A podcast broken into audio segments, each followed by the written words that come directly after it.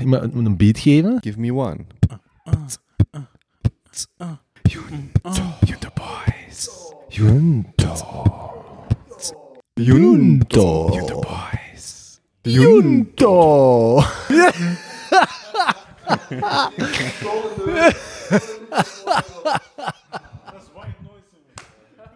En we zijn weg en ik heb mijn koptelefoon niet op.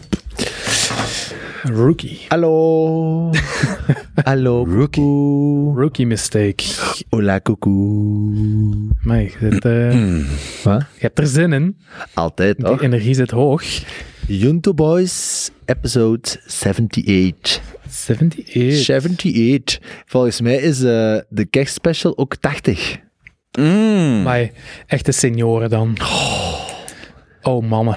Ik denk dat daar in podcastland Octo. wel kan tellen als, eh, als eh, senior, ja. Toch? Ik denk dat er weinig zijn met 80 afleveringen. Ja, de meeste vallen af naar 8. Ik ken wel een podcast met 250 afleveringen. Eh, Lex Friedman, of wat? De Keube Show. Ik was aan het kijken om Keube als nummerplaat te nemen. Maar dat- ik vind dat echt duizend euro dwaas verspild. Dat, dat, dat vind jij niet alleen, dat is feitelijk zo. Dat is, Ja. geen, dat is geen subjectieve mening, dat is echt iets objectief. Maar ja, dat is zoals een skin, maar dan in real life. Ja. Dus heeft dat wel iets. Ja, maar de skins zijn ook dom geld. Ja, maar daar wordt veel geld aan uitgegeven. Daar dat wordt is pas een boeziness. geld aan uitgegeven. Maar de status, hè, status, eh, Status. Ja. heeft zijn nut. Status. Ik kan ook mijn auto laten rappen. Met mijn eigen gezicht. Kobe, Kobe Living. Zo in het groen. En dan waar rond. Ik heb in de week het verhaal verteld. Dat is echt jammer dat ik dat niet gefilmd heb. Het moment waarop Jozef en ik in de auto zitten. In de zomer, afgelopen zomer. Of de zomer daarvoor. En ik zie ineens, dat is Benjamin die voor ons rijdt. en die stopt aan eh, de Soet Supply, Dat daar aan de, aan de. Frankrijk-lei. En voor, dus Jozef had door en die stopt voor ons. En dat is echt oprecht een van de grappigste momenten van de afgelopen jaren die ik te vaak vergeet.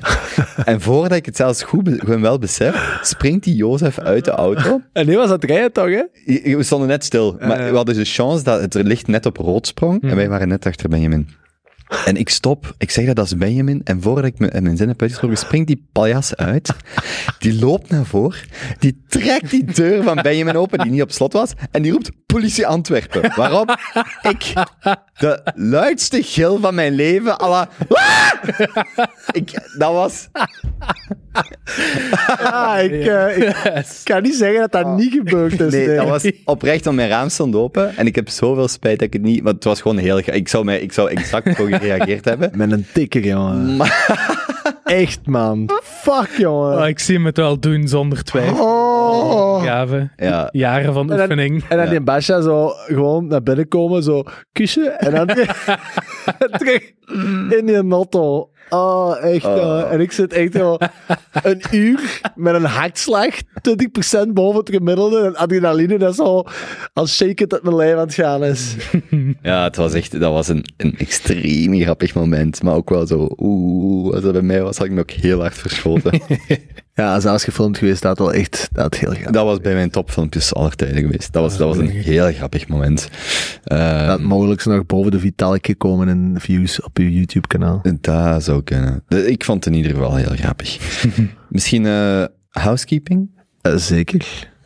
Wij eh, kunnen met trots eh, zeggen dat ehm, dit aflevering 78 is. Maar dat we de kerstspecial op 28 december volledig hebben uitverkocht. Tijdens het schrijven van de housekeeping op zondag waren er nog drie plaatsen. Mhm.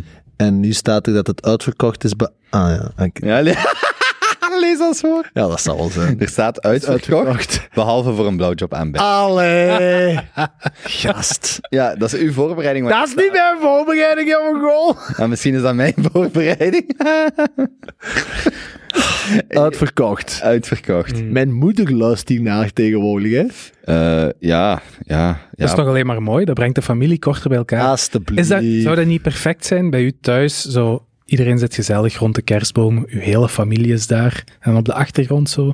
Zijn dat uw kerstavonden de laatste paar jaar? Voorlopig toch niet. Voorlopig nog niet. Ja. Laat ik even sluiten. mijn eh, mama en mijn zus wouden heel graag komen aan de kerstspecial. Mhm. En ik heb dat, Oh, ja. eh, ik heb dat afgeblokt.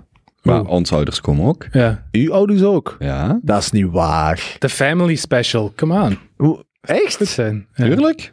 Make it happen. Die jongens komen niet? Jawel. Jawel, jawel. Die, hebben- Jonas was erbij. eh, Ja, ja, die hebben gezegd dat ze geen komen. Ja, ik moet er niet van weten. Ah, maar ze luistert sowieso. Ja, ja. Dus je ontsnapt er toch niet aan. Nee, nee. Oké. Hmm.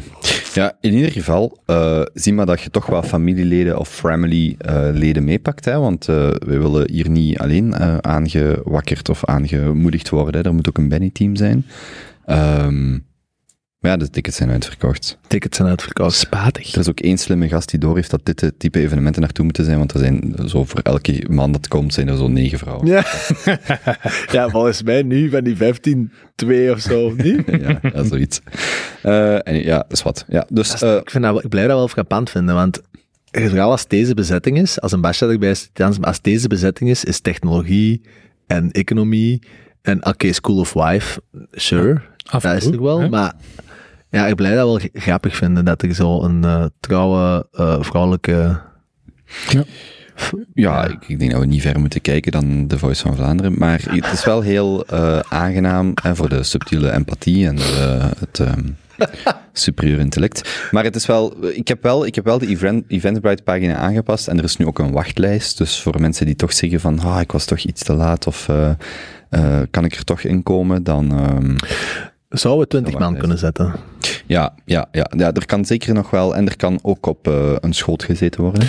Dus misschien maken we nog vijf ticketjes extra beschikbaar. Wel, zet je op de wachtlijst en dan kunnen wij nog zien eh, Oké, wat, wat er discutabel. gebeurt. Ja. Discutabel. Dan ehm, misschien even zeggen dat er bij deze 4720 euro in de Kiva-pot zit. Boom. Dat is, eh, Gaat rap. ja, dat is extreem indrukwekkend. Ik, ehm, Ah, ik Jonas? weet al wat er gaat komen. Jonas, ik heb wel nog... Ik weet al wat er gaat Ik vind komen. het niet, als hij roept, ik weet wat er gaat komen, en jij zegt mijn naam, dat voorspelt niet veel Nee. goeds. Nee, nee. Ik heb, ik heb een Het vraag. is al gepasseerd in de Ik heb, een, ik heb een vraag. voor- Allee, kan. Maak die mop. Is... Mhm. Nee? is Gast! Gast! nee, nee, het is, het is chill. Hier is een vraag. Is... Hij is toch wel, ik kan niet stoppen.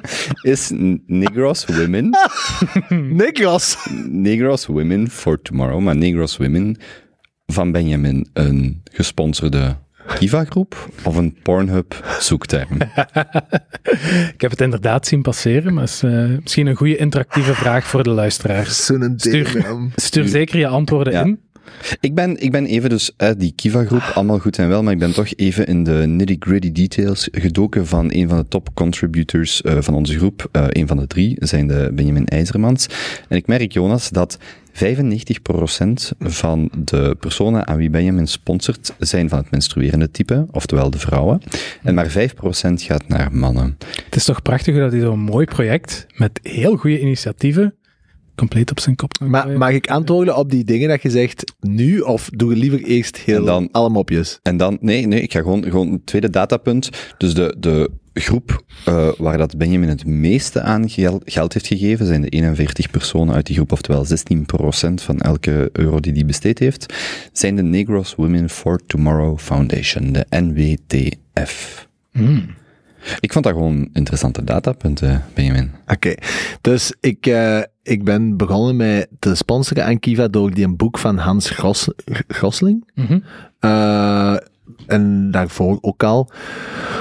Ja, gewoon als je, altijd als je leest over, eh, als, over ontwikkeling, ik zie, ik, ja, dat is grappig. Als, als je leest over ontwikkeling in de derde wereld, ehm, een van de dingen dat zo heel frappant terugkomt als je daar studies over leest, is dat elke euro dat wordt gespendeerd aan vrouwen heeft exacte cijfers weet ik niet meer, maar echt een zeer statistisch significante grotere impact als elke euro dat je aan een man geeft. Hmm. Ja, en dat komt, hetgeen dat ik er nog van onthouden heb, vooral omdat een vrouw in dat soort van omgevingen heeft bovengemiddeld meer zorg voor de kinderen. En als hij dus geld heeft, gaat hij dat in de plaats van een beetje stereotype, maar te gaan opdrinken, met de mate gaat hij dat eerder investeren in bijvoorbeeld eh, de kinderen of het gezin. Hmm. Waardoor dat dan een ja, veel hoger impact heeft als, eh, als aan mannen. Dus eh, dat is pure logica waarom dat ik aan vrouwen doneer. En die groep Dat is letterlijk, voordat jij dat had gepost, had je dat nog nooit gezien. Maar wat ik gewoon doe, is als je die leningen, dus als je een Kiva een lening geeft, dan kun je al je variabelen ingeven. En een van de extra filters dat je hebt, is risico en kwaliteit van de organisatie waarin dat je, waaraan dat je verleent. En ik pak altijd minstens vier sterren. En ook een laag mogelijk, zo laag mogelijk niveau van eh, delinquency rate. Hmm. hè, dus aan terugbetalingen. En dan zijn er eigenlijk altijd inderdaad maar een paar organisaties die ik heel veel zie terugkomen. Maar ik had die statistieken zelf al jaren niet meer bekeken. Dus blijkbaar die, eh, die groep, die Negro Women of... Eh, of the future, of tomorrow. Ja. Negro Women of Tomorrow Foundation. Dat is dan een waarschijnlijk zeer kwalitatieve organisatie, want ik, ik, ik, ik spak gewoon die sliders. En krijg je dan nooit iets te zien van wat ze nu gedaan hebben met uw geld? Absoluut. Je krijgt eh, af en toe een mailtje, hè. Ja. Zeker. En Ook zo van projectjes en initiatieven. Absoluut, zeker. Ja, ja, ja. De- Niet- het is niet zo goed als Charity Water bijvoorbeeld, nog zo'n fantastische NGO, Mhm. waar we het een paar eh, jaar geleden ook al hier op de podcast over hebben gehad, denk ik. Die doen echt zo, wekelijks krijg je daar echt, Ja, ja. als je zo bij die eh, maandelijkse donatiepot zit, dan krijg je echt veel, eh, dat is ook wel, Veel info. Ja, alle Heel details staan ook als je gewoon googelt naar eh, Kiva en de Junto Boys, dan vind je meteen... ja, vraag 12, ook op de website, vraag 12 onderaan. We zijn november vergeten. Ja, ja, mij. Het is al ik voorbij. dacht er ook in één keer aan als we halverwege de maand waren. Ik had Dus wel goed geoefend. Ik had hem al twee weken laten staan voor november begon. Maar had een goeie geweest. het was echt wel een mooie geweest. Volgend jaar. ja, Ehm, nog housekeeping, Cube. nee, dat is het. Dat is een korte. Heb jij zin om... eh, Nee. Oké, Doet dan, ehm, dan roep ik graag eh, alle luisteraars op om eh, een, een like of een review te doen op de verschillende kanalen waarnaar je dat luistert en te subscriben. Ehm, we, zijn, we zitten trouwens ook op YouTube, dus als je het liever bekijkt YouTube. als alleen naar luistert, dan... Ik ga even het raam dicht doen, ik heb het hier koud. Mhm. Oké. Daar gaan we gewoon in vliegen, denk ik. C'est ça. Hoe is het ermee, Benjamin? Bij mij? eh, Wij geets. goed. Eigenlijk wel. Ja. goed. Goed. Hoogtepuntje? Stressje? Eh, twee hoogtepuntjes. Hmm. Ook een stressje, dacht ik. Nee, geen stressje. Oh, geen stress. Geen stress. Heb ik geen Zit stress? hem gedaan. Dat is mooi. Dat ben ik vergeten. Paul. Ik heb er genoeg voor twee. Voilà, kijk eens aan. Mooi. Ik zal, eh, eh, ik zal ik de hoogtepuntjes pakken, dan eh, pak jij de stressjes, jongens. Hè. Mijn hoogtepuntjes, twee weken geleden. Ik heb zo drie maten waar ik een paar jaar eh, een zomerbar mee heb gehad. eh, het Strandhof. En daar zijn, daar zijn heel hechte vriendschappen uit voortgekomen tussen ons vier. Dat wij een paar jaar heel intensief hebben samengewerkt en veel samen hebben meegemaakt. Dus we gaan vier keer per jaar, we noemen dat de seizoenswissel. Dus hè, elk seizoen gaan we een keer een dag of een weekend met ons vieren op pad. En nu, twee weken geleden, eh, was het eh Franco zijn beurt. En die had iets georganiseerd. Ehm, het was een, eh, een, een mannenspadag, laat ik het zo noemen. Mhm. We wisten van niks. We moesten gewoon van alles meepakken. En dus ook van alle... Ja, bon, dat gaan we te verleiden. Maar we moesten van alles meepakken. We wisten niet waar we naartoe gingen. Dan zijn we bij hem gaan eten. En daarna vertrokken. En dan gingen we richting Tugnout. En dan zijn we bij een, eh, een, eh, een, een, ja, een concept aangekomen. Waarbij dat er eh, van alle zaken te doen waren in de loop van de namiddag. Eh, en het begon eigenlijk allemaal met een, eh, een zoutkamer. Ik weet niet of je ooit al hebt gehoord van een zoutkamer. Nee. Ik, ik had ook nog nooit gehoord van een zoutkamer. Maar dat is dus eh, wat het woord zegt, een kamer met heel veel zout. Dus de- Gemaakt van zout of er is veel zout? ja, dus de vloer ligt vol met zout. Tegen de muren is allemaal zout geplakt. Tegen de plafonds is allemaal zout geplakt. En eh, ze, ze blazen hele droge, zoute lucht ook nog eens in die kamer. En dan doen ze de deur dicht en dan liggen daar zo vier van die eh cheap eh Eames afkooksels. En dan gaan er daar gewoon in liggen. En dan, als je op je eigen bent, dan doe je een dutje of lees ik iets. Maar we waren met ons vier. dus dat was met de nodige, ja, gewoon lachen, lullen en doen. Eh, en we hebben daar nu gezeten. En dat zou blijkbaar heel veel eh, gezondheidsvoordelen hebben. Hm? En ze hebben dat gevonden doordat in Oost-Europa waren er en zijn er blijkbaar vrij veel zoutmijnen. En ze kwamen er in de begin 20e eeuw achter dat die mensen die daar in die zoutmijnen werkten, eigenlijk heel weinig ziek waren. En vooral heel gezonde luchtwegen hadden. Ah, ja. Ja, dus als heel aan, eh, eh, aan eh, de vallingen hing, hè, dan die mensen in de zoutmijn, die had daar heel weinig last van.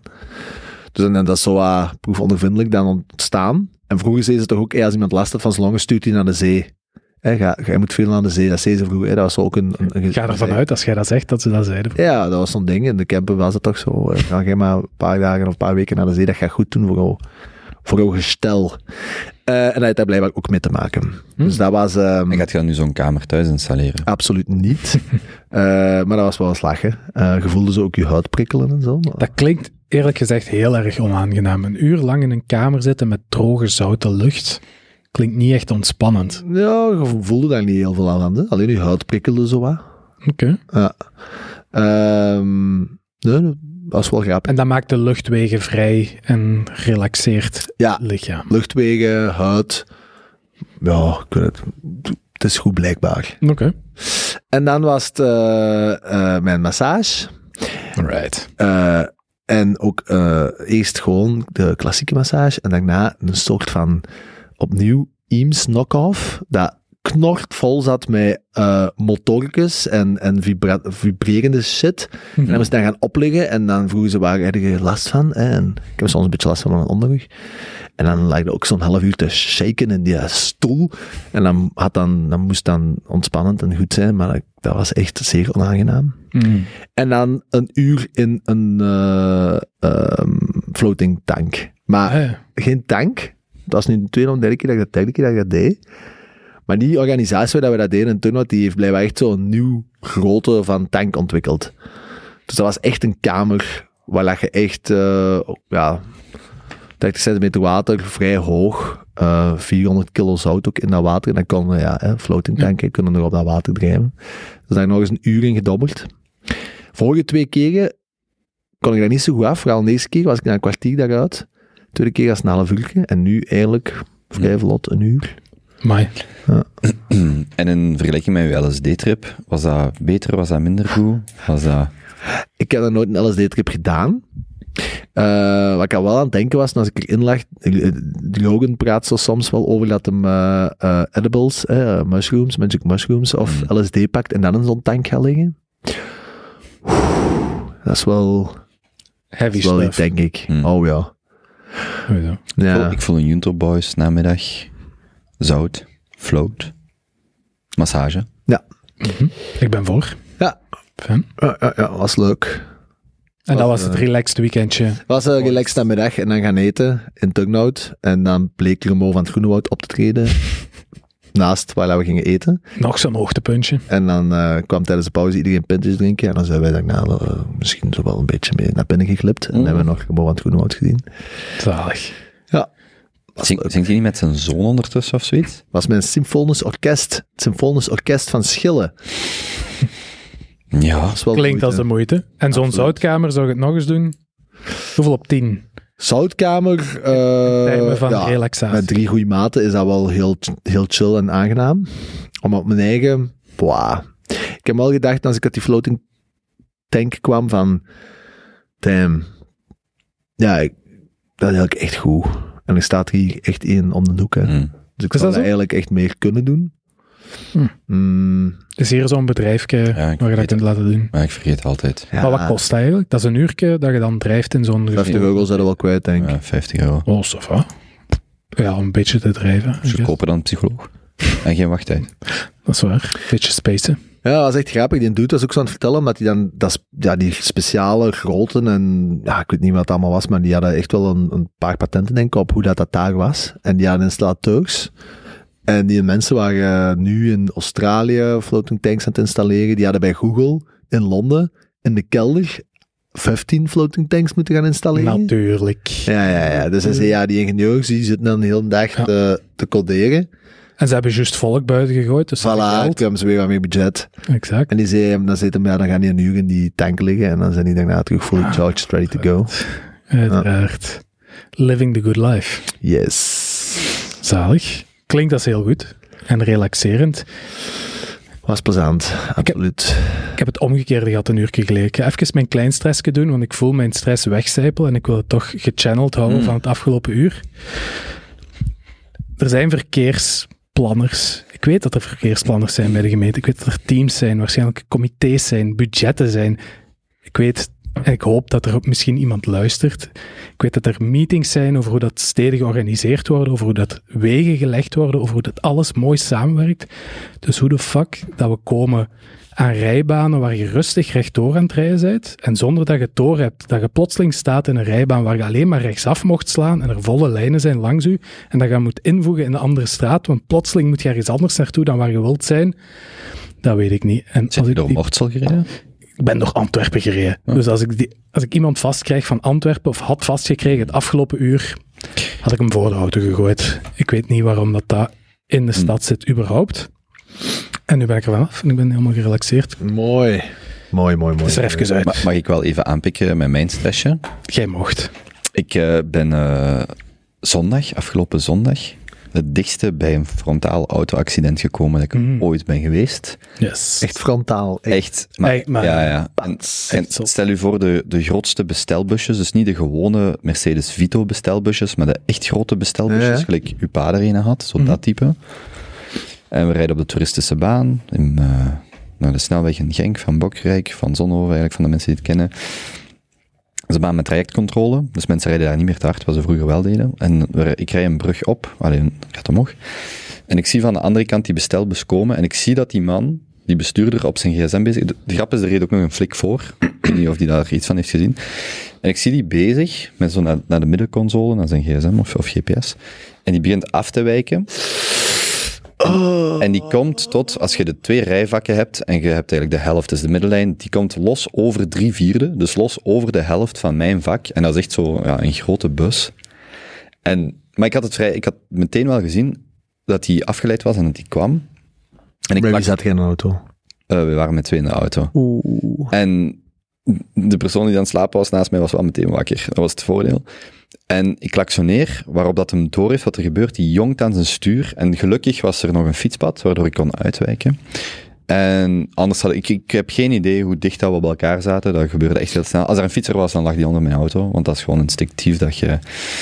Maar dat was echt wel zot. Dus ik kwam los over drie vierde, omdat hij met zijn gsm of. GPS bezig was. En ja, zo dicht is het echt wel nooit geweest. Maar, Ja. en gestopt dan? Of door... Nee, want dat is zo'n baan waar je ook niet echt kunt terugdraaien. En ik dacht er dan over, maar dan denk ik, ja, wat ga ik doen? Ga ik daar achteraan rijden? Boos zijn? Mhm. Allee, je, je kunt ook weinig doen. Ja, ja, was ja. duidelijk, want ik zag hem de hele tijd, die was keihard verschoten ook. Die Mhm. had zelf ineens, want, hem, mij, want ik was aan het klaksoneren, heeft hij niet meteen door gehad, maar op een bepaald moment, die strekt echt aan zijn stuur, want ik, ik zag hem, maar dat was wel zo... Dat is vuil, hè. En zo snel gebeurt ook. Ja, en dat, ja, dat vooral. Dat gaat echt zo op. Dat, heel dat ding gebeurt op drie, vier seconden. Dat iemand, of ja, minder waarschijnlijk, afgeleid is. En had die een meter meer naar links gezeten, of dan, ja, dan zat je daar gewoon frontaal op. Of was ik ook toevallig even met de radio, wat ook gebeurt, hè, dat je even nog de zender aan het veranderen bent of zo. Dan zit je echt gewoon frontaal op elkaar. Oh, ik kan niet wachten tot als onze robot overloopt. dat autobestuur van, ja. ons, van ons afnemen. Ik moet dan altijd aan een filmpje denken van zo, je hebt op YouTube die compilaties van die Tesla staan. En er is er eentje waar mij altijd is bijgebleven, is eigenlijk een heel soortgelijke baan. Ook zo twee, allee, één rijvak, ook een toeristische baan, of- zo lijkt het. En dat is een Tesla die in de VS, het is keihard aan het regenen.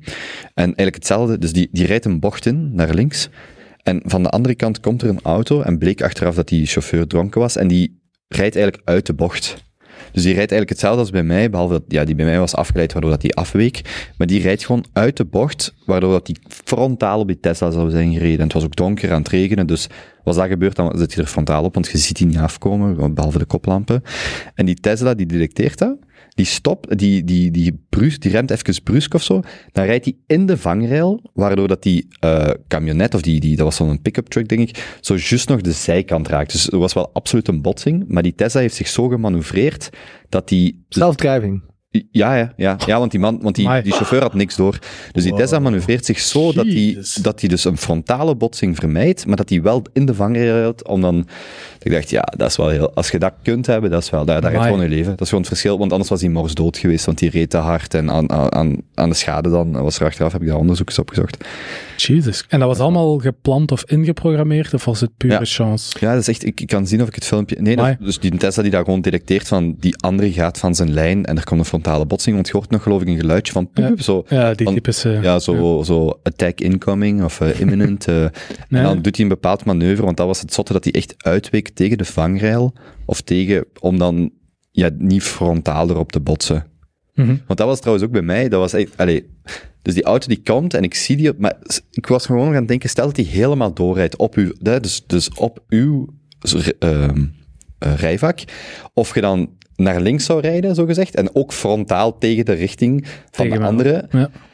dan dacht ik, dat moet je wel al heel goed aan het weten zijn, wat, want ik kan me dat niet voorstellen dat je dat dan zou doen, want als er dan ene komt, maar dan rijdt er gewoon Ik frontaal. denk dat je dat niet kunt voorspellen wat je doet. Ah, maar misschien dat een Tesla dat wel doet. hebt. Ja, dat je, ja, of puur Ah, instinctief. Tesla bedoel ja, Maar ja, zelf Misschien dat een mens dat nog puur instinctief doet, maar niet vanuit controle, maar puur vanuit, ja, ik weet niet beter wat te doen, maar als zo'n Tesla dat dan, ja, ik weet niet. Ik vond dat wel cool.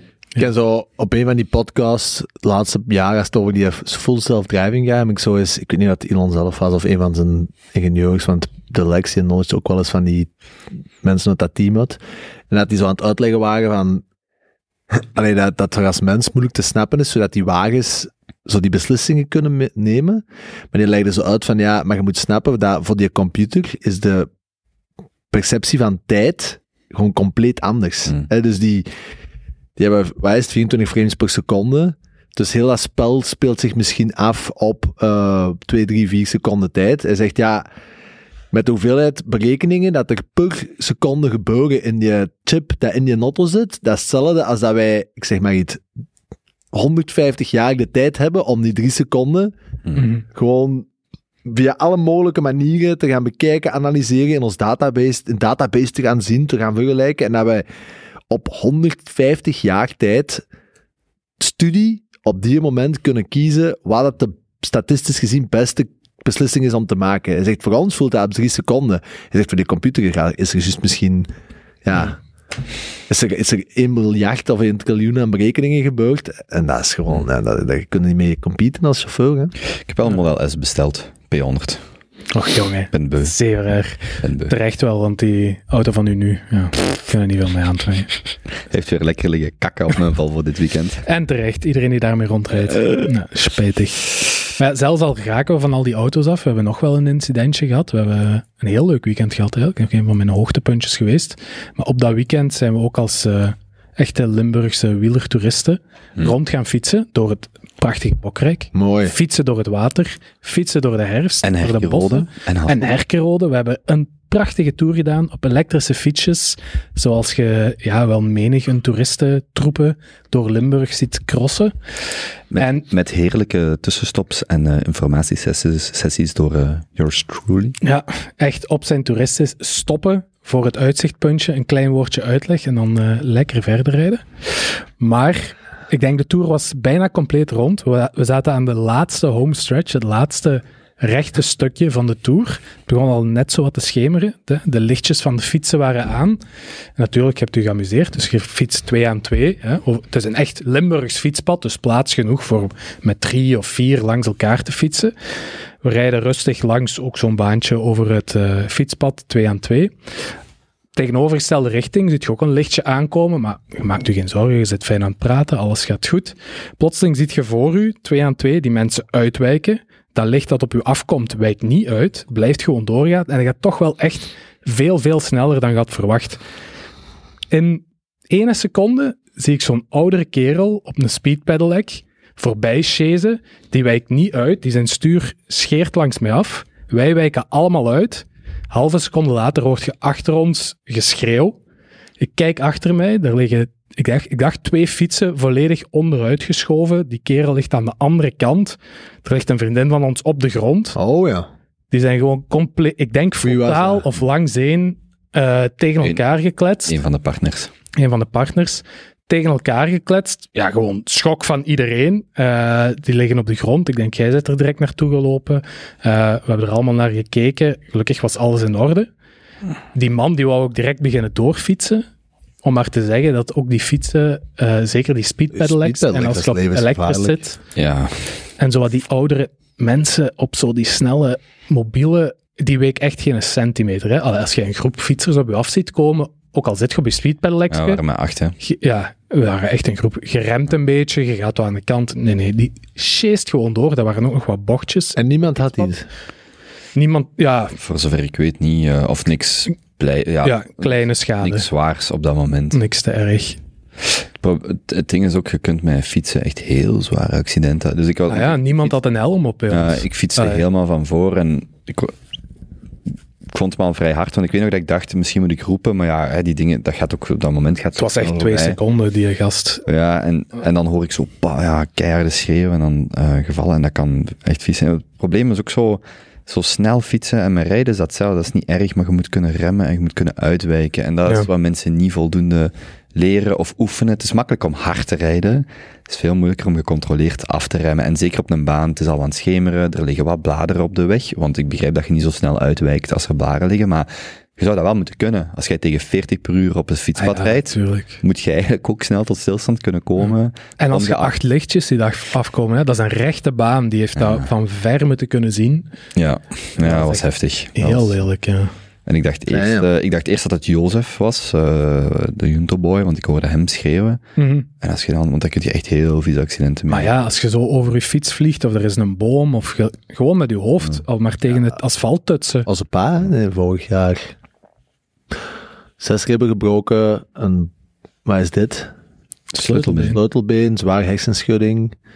Als hij ietsjes anders was gevallen, dan was hij dood geweest. Ja, ja, het scheelt drie maanden, drie maanden in bed gelegen en gerevalideerd. Ja, dat is zot, hè.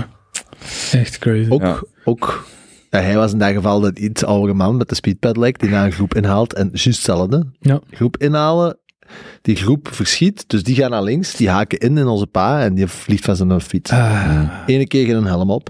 Ja, het probleem is blijkbaar dat in, in andere landen rondom ons, dat de wetgeving of zo daar duidelijker is, dat je dat soort accidenten blijkbaar veel minder hebt. Ehm, dat dat echt een, ja, d- er is gewoon onduidelijkheid in de Belgische wetgeving wat dat soort situaties creëert. In het buitenland moeten die ofwel meteen op de baan fietsen, of die moeten verplicht hun snelheid m- m- verminderen, of het is in ieder geval opmerkelijk dat daar in België veel meer accidenten voor zijn. Het is mij ook expliciet verboden om met steps te rijden. Door iemand die zegt van, wij zien al die accidenten binnenkomen. ja. Ik wil niet dat jij ooit op een step rijdt. En ik deel dat ook, ik heb daar zelfs de cijfers niet voor.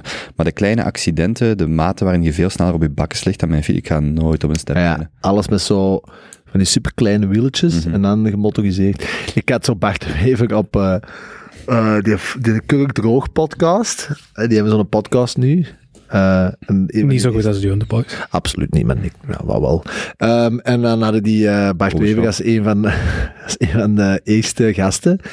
En eh, die vertelde dat, ja, die begon ook echt af te geven op die steps in Antwerpen. Mhm. En die zei dat hem zijn, eh zijn korps eh, de opdracht had gegeven om meer te controleren. En die hadden een, eh, een eh, step van de straat geplukt. Die daar, en die hadden ze op de roller gezet. En die was getuned om 120 per uur te kunnen gaan. Dan zet je je leven beu. Sorry, maar wat de fuck zet je Of je maakt dan kans aan op een Darwin-awartje. doen? Darwin. Heb je al gezien trouwens, zo elektrisch step racen? Er is niks Nee. zo sketchy als dat. Full face helmet wel, in gecontroleerde setting. Maar zo over een ja, kart race trekken is dat denk ik. Maar dan op van die stepjes. Ziet er belachelijk uit, ziet er mega gevaarlijk uit. Maar daar, heb ik nog, maar daar heb ik nog begrip voor. Dat mensen, gelijk, ik zag zo onlangs dan hè, dat filmpje met die jetpack, Mm. dat mensen stoeme dingen wilden doen, of schijnbaar stoeme dingen, zo alle begrip. Maar dat jij op een speedpedelec, hier ook hè, in Antwerpen Centrum, ik zie ze vaak, zeker aan de kaaien, eh aan het fietspad daar, maar ook in de stad, dan zie je daar, en ja, dat zijn dingen, ik word daar agressief van, hè, dus dan zie je een gezin met kindjes, vijf, zes, zeven jaar oud, hè, die dan zo net leren fietsen, bij wijze van spreken. En dan chasen daar gasten voorbij aan 40, 50 per uur, dat je echt denkt, als ik u vast krijg, want dat, wat weet zo'n kindje, zo voor hetzelfde geld wijkt dat uit, en dan zit je daar van, je kunt dat morgens doodrijden. Ja. En dan rijden die gewoon door, dan zitten die ook nog wat irritant te klaksoneren. En ik begrijp, dan moeten ze ofwel een duidelijker fietssnelweg maken, en je moet ook niet per se met je kinderen daar op de kaai gaan fietsen. Dus het is een ergens gedeeld. Maar soms zie je die ook rijden dat je denkt, yo, too fucking normaal. Maar dat is echt niet normaal dat je fietst. Als je door het centrum aan het fietsen bent, dan vertraagt je. ja, in principe wel. En jij een specifiek filmpje of zoek gewoon op YouTube Step Ik denk dat je dat gewoon moet opzoeken. Dat was een van die shorts die voorbij is gekomen. Vind je dat ze op bepaalde leeftijd opnieuw het rijbewijs eh, zouden moeten halen? Absoluut, jong. Ik ben daar ook wel enorm fan. De tijden en de wegen veranderen zo fel. Maar los je dat dan op met één examen? Dat vraag ik mij dan af. Ja, of om de tien jaar, mij gelijk. Ja, ja, maar, ja, maar dat bedoel ik. Kun je op één examen in tien jaar eh, een soort van vaardigheids... Want het zal dan eerder een vaardigheidstest zijn. Haalt dat echt die problemen Maar eruit? toch op zijn minst vanaf je 70, al is dat maar Ja. allee, dat, de, de, zicht, het hè. zicht en zo, en de reactiesnelheid. Want Maar je kunt er, geen, er zijn ook veel jongere mensen die problemen hebben. Want dan moet je dat medisch gaan keuren. ja, maar allee, als ik nu naar mijn eigen ervaring kijk, ik doe al wat kilometers op een jaar, ehm, met werk en zo. Ik denk van de tien meest extreme situaties die ik in het verkeer al heb meegemaakt, was zeker 60, 70 procent van die hoogbejaarde mensen die daar tegen een snelheid, ja, meestal dan extreem traag, of gewoon ja, ergens een straat in rijden, daar nog één richting verkeer is of zo. Maar naar mijn ervaring, zeker 60, 70 procent is dat, dat soort van gevallen. Hè? Ja, ik vraag me gewoon af of je mijn vaar... ik- ik ben in principe ben ik ervoor, maar dan vraag ik me af of je mijn vaardigheidstest die mensen eruit haalt. Dat, dat, dat weet Een dat- permanente driving score is mij ook goed, hè. Dat is alleen een beetje meer invasief. Ja. Maar je moet gewoon je gsm bij Er hebben. zijn goede AI-systemen. Ja, daar zijn zeer goede bedrijfjes voor die dat voor u kunnen regelen.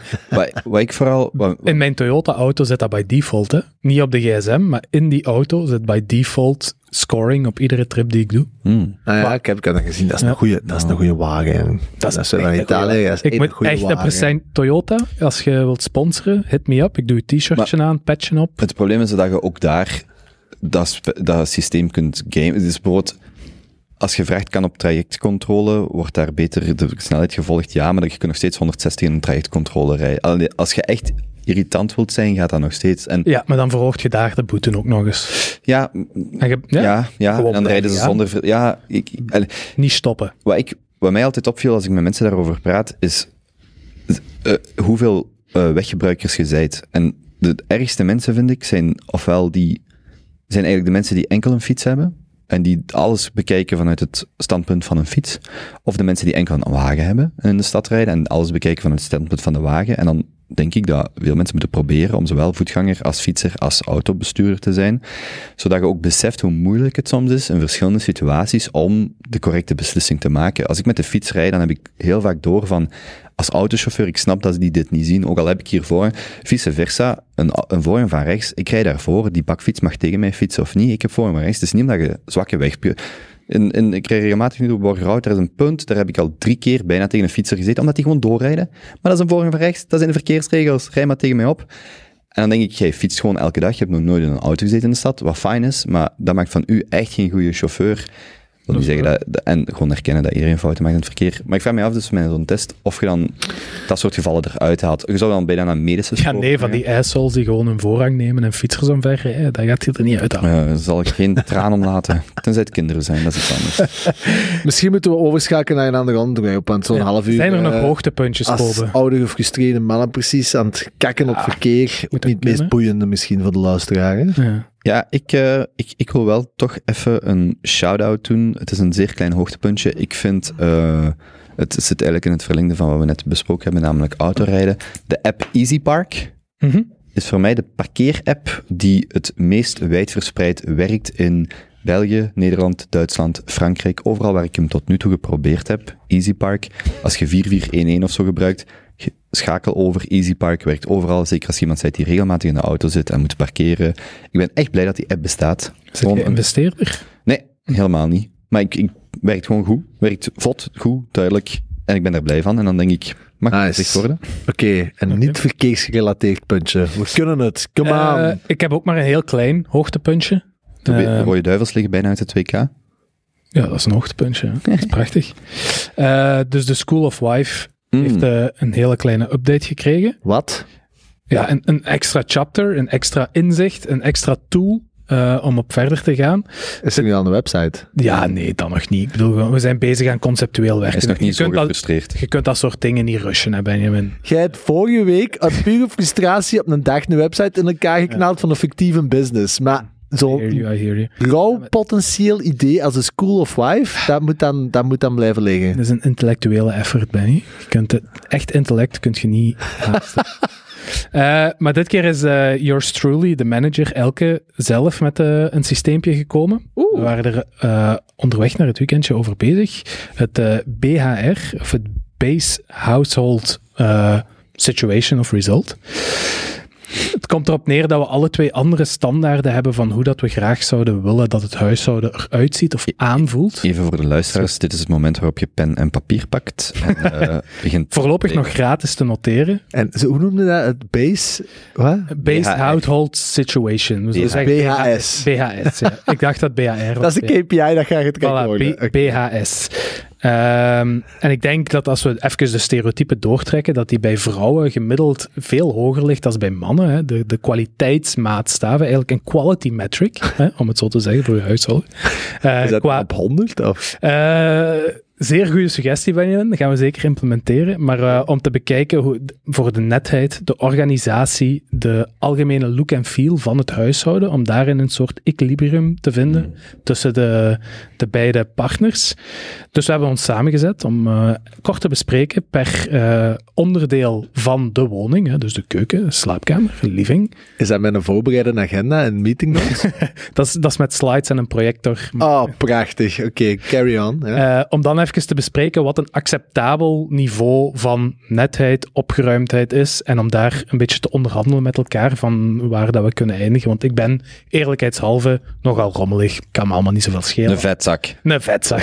dat is mooi gezegd. Als er volk langskomt, dan ruimen we allemaal een beetje op. En voor de rest mag dat wel wat aanmodderen of zo. Is in het weekend of zo om zoveel tijd alles Als jij opruimen. in je neus peutert als je in bed ligt, draait je die dan op om die dan uit het bed te laten vallen? Ja, maar bij ons is er raam. Ik kan de raamke gewoon rap open doen. Ja, maar het is niet dat je snuit in je neus.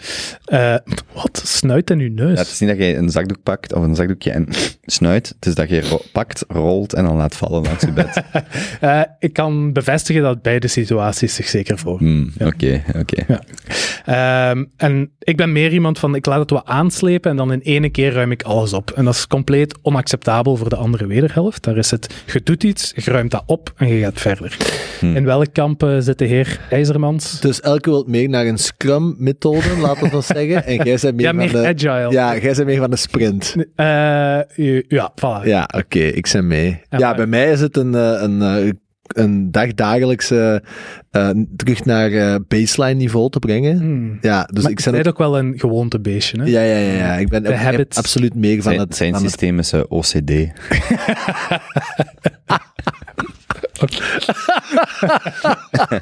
dat werkt Ja. vanzelf.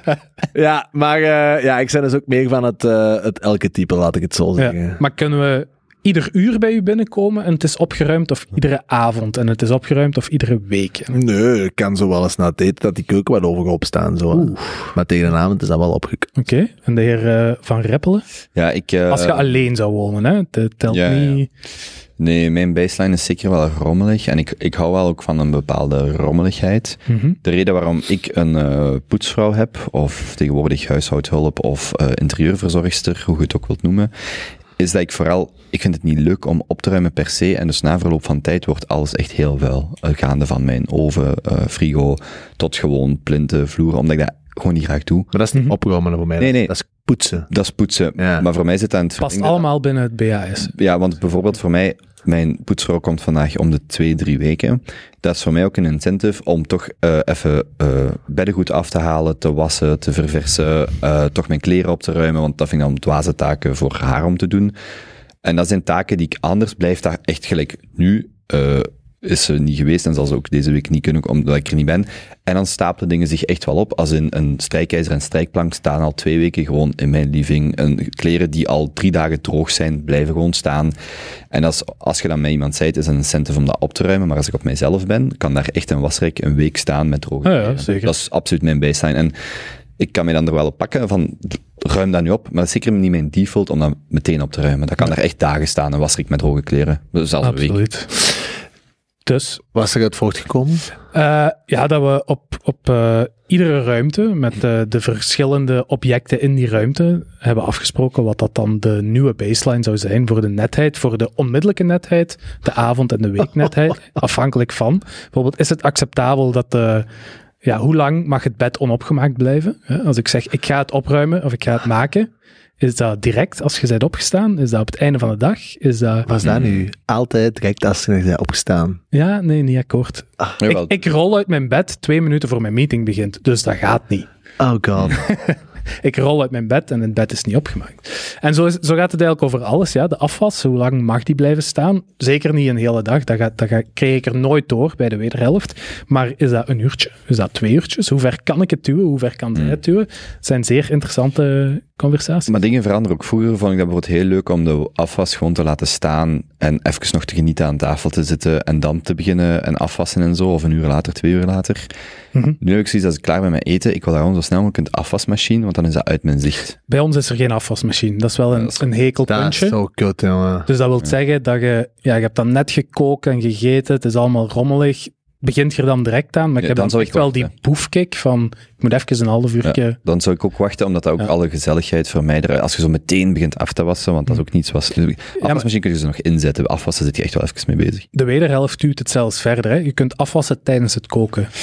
Ja, dat is wel waar. Dat kan. Het is, het is kan. allemaal waar, Benjamin. Er zijn geen goede of slechte punten. Er is alleen maar het. eh, Nee, maar ik pak wel haar kant. Ja, dat snap ik ook Ja. wel. Maar eh, Jonas, wanneer eh, denk je dat dan dat dit nieuwe fantastische systeem van eh, de heer Janssens... Dit is allemaal de vrouw Verhoeven. Oké, maar wanneer gaat dit te downloaden zijn als template op schoolofwife.be? Ja, als, het, Sorry.com. als het goed heeft gemarineerd, dan eh, gaat het er zeker van komen. Oké, fantastisch. Misschien. Ja, zo voor de, voor de kerstspecial, wie weet. Mm. Is een klein kerstcadeautje. Mm. Net nog. Of eh, voor de nieuwjaarsvoornemens, voor alle onder ons die een nog sterkere, hechtere relatie willen. Maar ik zie al zoveel marketingmogelijkheden. Ook zo bundle-combos en zo. Hè? Ja, ja. Black Friday, eh, twee templates voor de, Ja. alle drie templates voor de prijs van twee. Allee, er zijn echt wel, er zijn echt wel opties. Er zijn mogelijkheden. Maar ja, zeker, we moeten Dus- misschien op de kerstspecial ook echt zo'n vooruitkijken of predicties of eh, voor 2023 doen. Ja, Ik heb er al eentje. Wordt dat het jaar waarin hij uw achternaam correct uitspreekt? Ja of nee? de kans is altijd 50-50. Ofwel wel, ofwel niet. Jansen. ja. Zeer goed. Zeer goed. Alright, dat zijn eh, hoogtepuntjes en stressjes, boys. Zullen we overschakelen op de rest? Ja. We geraken er nog eens door. Waarom niet? Ehm, wat hebben we hier staan? Ja, ik had wel... eh, Zeg maar. Zeg maar. Nee, nee, wat is de volgende vraag eigenlijk? Wat is drie? Heb je recent een noemenswaardige essayboek of podcast gelezen of gehoord dat je opmerkelijk of geschikt vindt om aan de junto te communiceren Ja, ja, in de moraliteit, business, natuurkunde of andere delen van de algemene kennis? ja. En dat is meestal, nee, niet echt, maar. Ik had Dus- nog iets.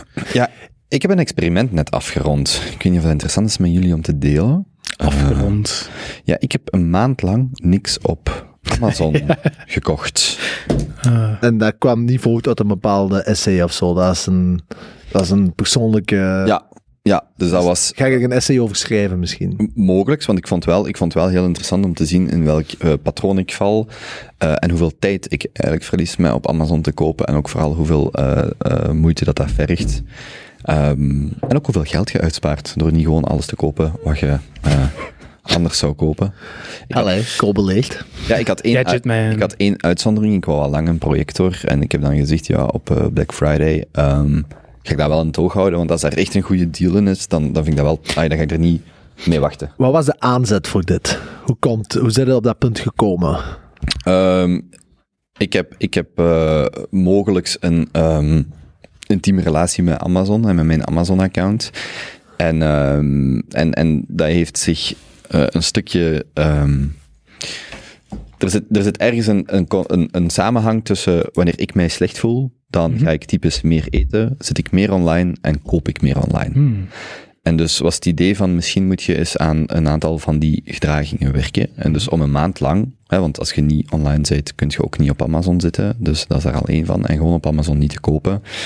En niet die impuls van urenlang te zoeken naar het beste product, om dan toch maar, en dan toch nog zoveel YouTube-reviews, en toch, want je wilt eigenlijk altijd de initiële insteek is, ik wil gewoon het beste product, maar als je dan kijkt hoeveel tijd en moeite je daarin steekt, is dat gewoon dwaas. Maar voor de baseline, als uw aankopen per week zouden plotten op een grafiek, wat zouden we dan zo Wat zou daar de KPI van zijn? Kobe Purchasing, Kobe purchases Kobe's Weekly Purchasing KPPW's. Expenditure. Ja, ik, ik, ik kan bijvoorbeeld eh, gewoon eens mijn, als je wilt weten zo wat voor type Ja, dingen... gaat het over één keer per week, twee, vijf, vijf zes. Is het een verslaving, Kobe? Eh, ja, spreken we van iets, iets compulsief.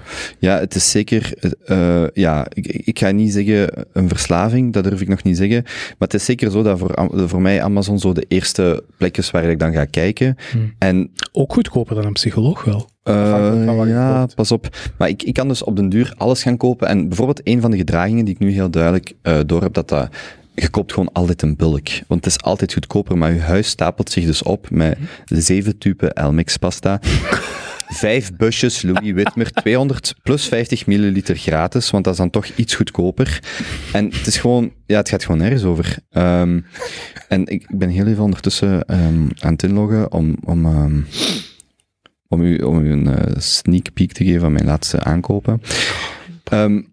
En het heeft mij gewoon ge- ge- eigenlijk toen beseffen van, kijk, heel veel van de spullen die ik op Amazon eh, zou bestellen, waar dat ik eigenlijk ook wel een reden voor heb, die kan ik ook gewoon eh, lokaal bij de, bij de ehm, bijvoorbeeld papier om te printen. Ja, dat is iets goedkoper op Amazon, maar je kunt dat ook gewoon lokaal eh, gaan kopen.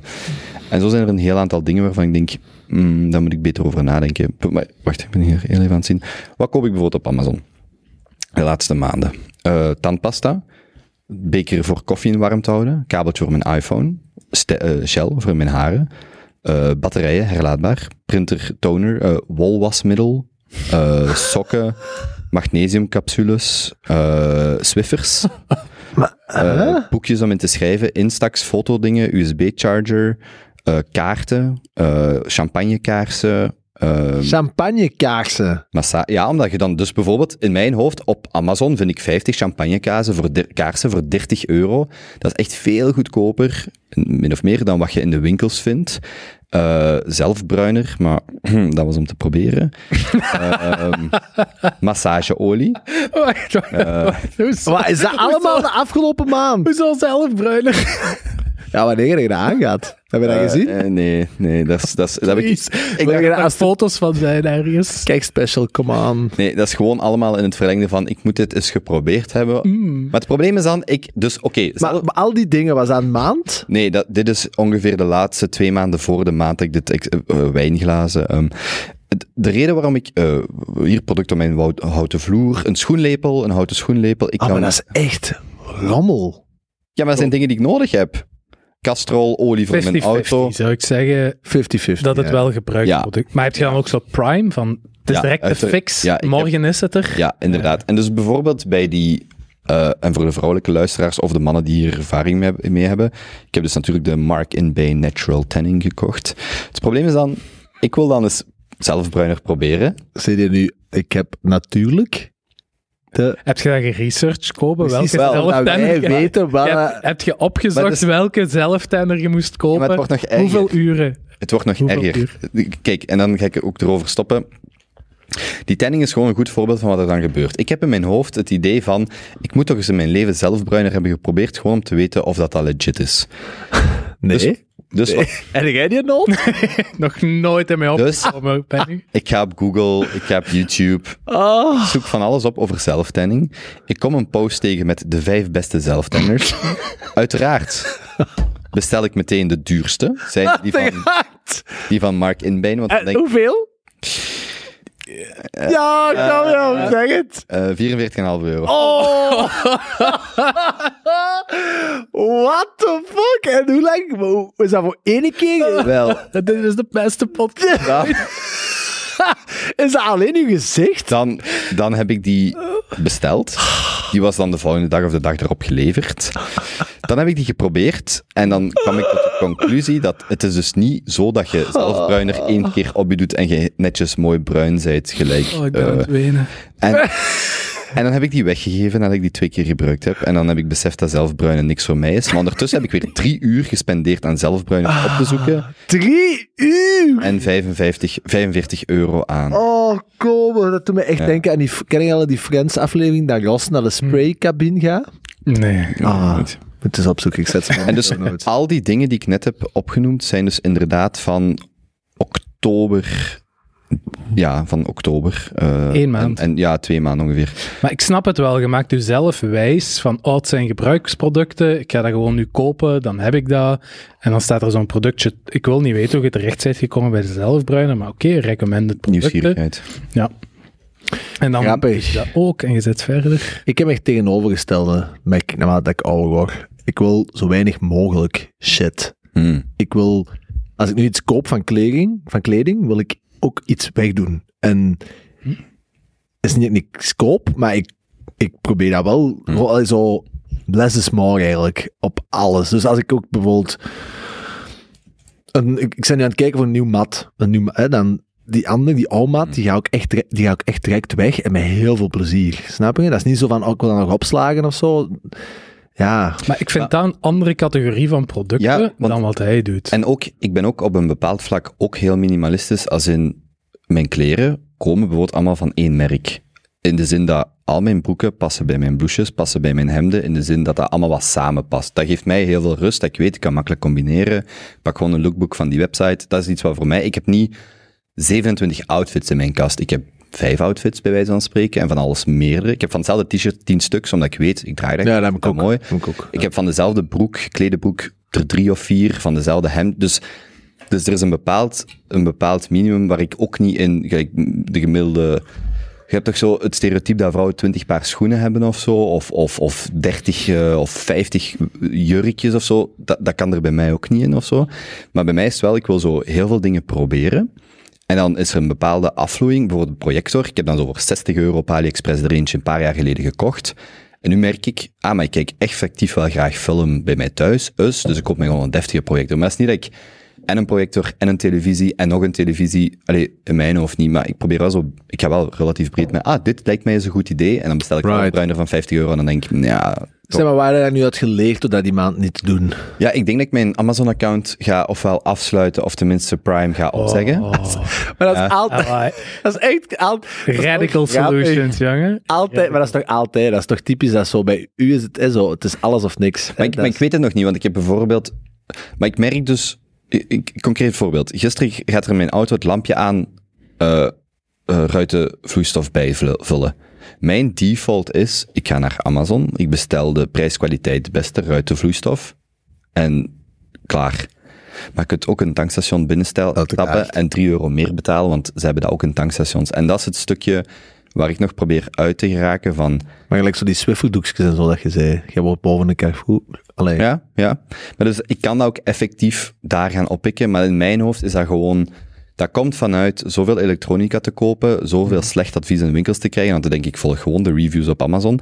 En dat, en dat vloeit dan over in... Ik ga, wel, als ik de reviews voor een televisie of een projector geloof op Amazon, dan geloof ik toch ook de reviews over huishoudtoestellen, over... Wat vind je van het omgekeerde van wat je nu gaat doen? En je koopt u een Amazon Alexa en je zet dat in je living. Je mocht niet opzoeken op Amazon, je mocht alleen maar zeggen wat dat je wilt kopen en die koopt dat voor u. En dan is er geen limiet meer. Je moet niet op je computer zitten, je kunt gewoon direct alles kopen. Maar dan moet ik internet thuis hebben. kut. Maar nee, ik denk, ik denk alles samengenomen, de beste regel blijft nog steeds, als je iets wilt kopen, wacht twee tot zes weken. Als je het dan nog steeds wilt, ja, dan, allee, goed. En bijvoorbeeld Ja, ja, van een projector is iets wat ik effectief twee, drie jaar geleden heb gekocht, gemerkt heb, ik vind dat echt leuk om eens een filmkop te zetten. En, dan, en dan kan ik gerust een nieuwe deftige kopen die iets meer kost. Alright. Ja, ja. Kopen is een eh, Amazon-verslaving.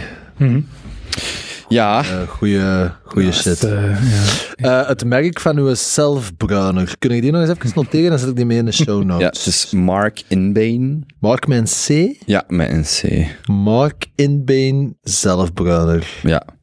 Bane, B-A-I-N. B-A-N-E. Ik, kan ook, ik zal ook de link naar u doorsturen, dan kunt je hem in de show notes zetten.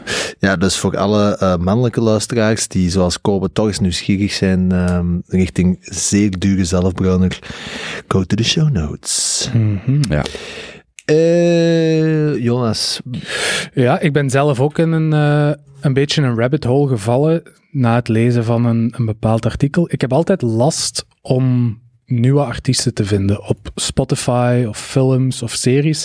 Ik heb zeker in de laatste jaren het, eh, zelf ingenomen gevoel dat mijn tijd waardevol is. En ik wil mij niet committen op een serie of op een film of op een album of op muziek zonder dat ik al weet dat het hele goede ratings heeft of dat ik het goed ga vinden. En het wordt moeilijker en moeilijker om zo nieuwe artiesten te leren kennen, want oké, één nummertje kunt je luisteren, maar eigenlijk wilt je er twee, of je een album, of wil je gewoon eens aan een film zetten. En dat is niet altijd het, ja, het gemakkelijkste om te doen. En uiteraard ben ik dan ook beginnen opzoeken hoe kan ik nieuwe artiesten ontdekken.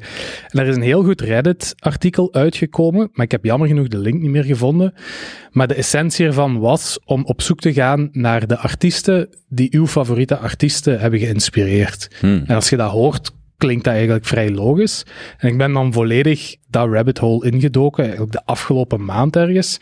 En een aantal heel leuke artiesten tegengekomen waar ik anders nooit op, op Hmm. was terechtgekomen. Ik heb er hier een paar opge opgeschreven eh, ter referentie. Ik luister graag wel wat, wat hip-hop en rap in mijn eh, vrije tijd, ondanks het, eh, het zachte uiterlijk. En een rapartiest die heel vaak gere- gerefereerd wordt door de anderen is MF Doom. Ehm, een vrij onbe- relatief onbekende artiest die jammer genoeg vorig jaar Oké. plotseling direct eh gecopyright Boom. hier. Ehm, jammer genoeg vorig jaar overleden, maar echt een zotte rapper. Als ik één liedje eh, kan aanraden, is het All Caps van MF Doom om mee te beginnen. En hij heeft ook echt andere nummers die zijn woordspelingen zijn echt op een ander niveau. Dus eh, als je, daar moet je echt de, de lyrics bij nemen en meeluisteren. Of Ja, dag. Eh, hij heeft bijvoorbeeld een liedje waar dat hij rijmt met ehm Eyjafjallajökull of zoiets, hè, die vulkaan, en dan daar een heel rapverse over maakt. Echt prachtig album. Ehm, het zijn ook ja, van die hele oldschool hip-hop beats met raps over. Ben ik, ik luister ook vaak naar wat meer jazz en funk bands. En wat je daar heel vaak terug hoort is Snarky Puppy.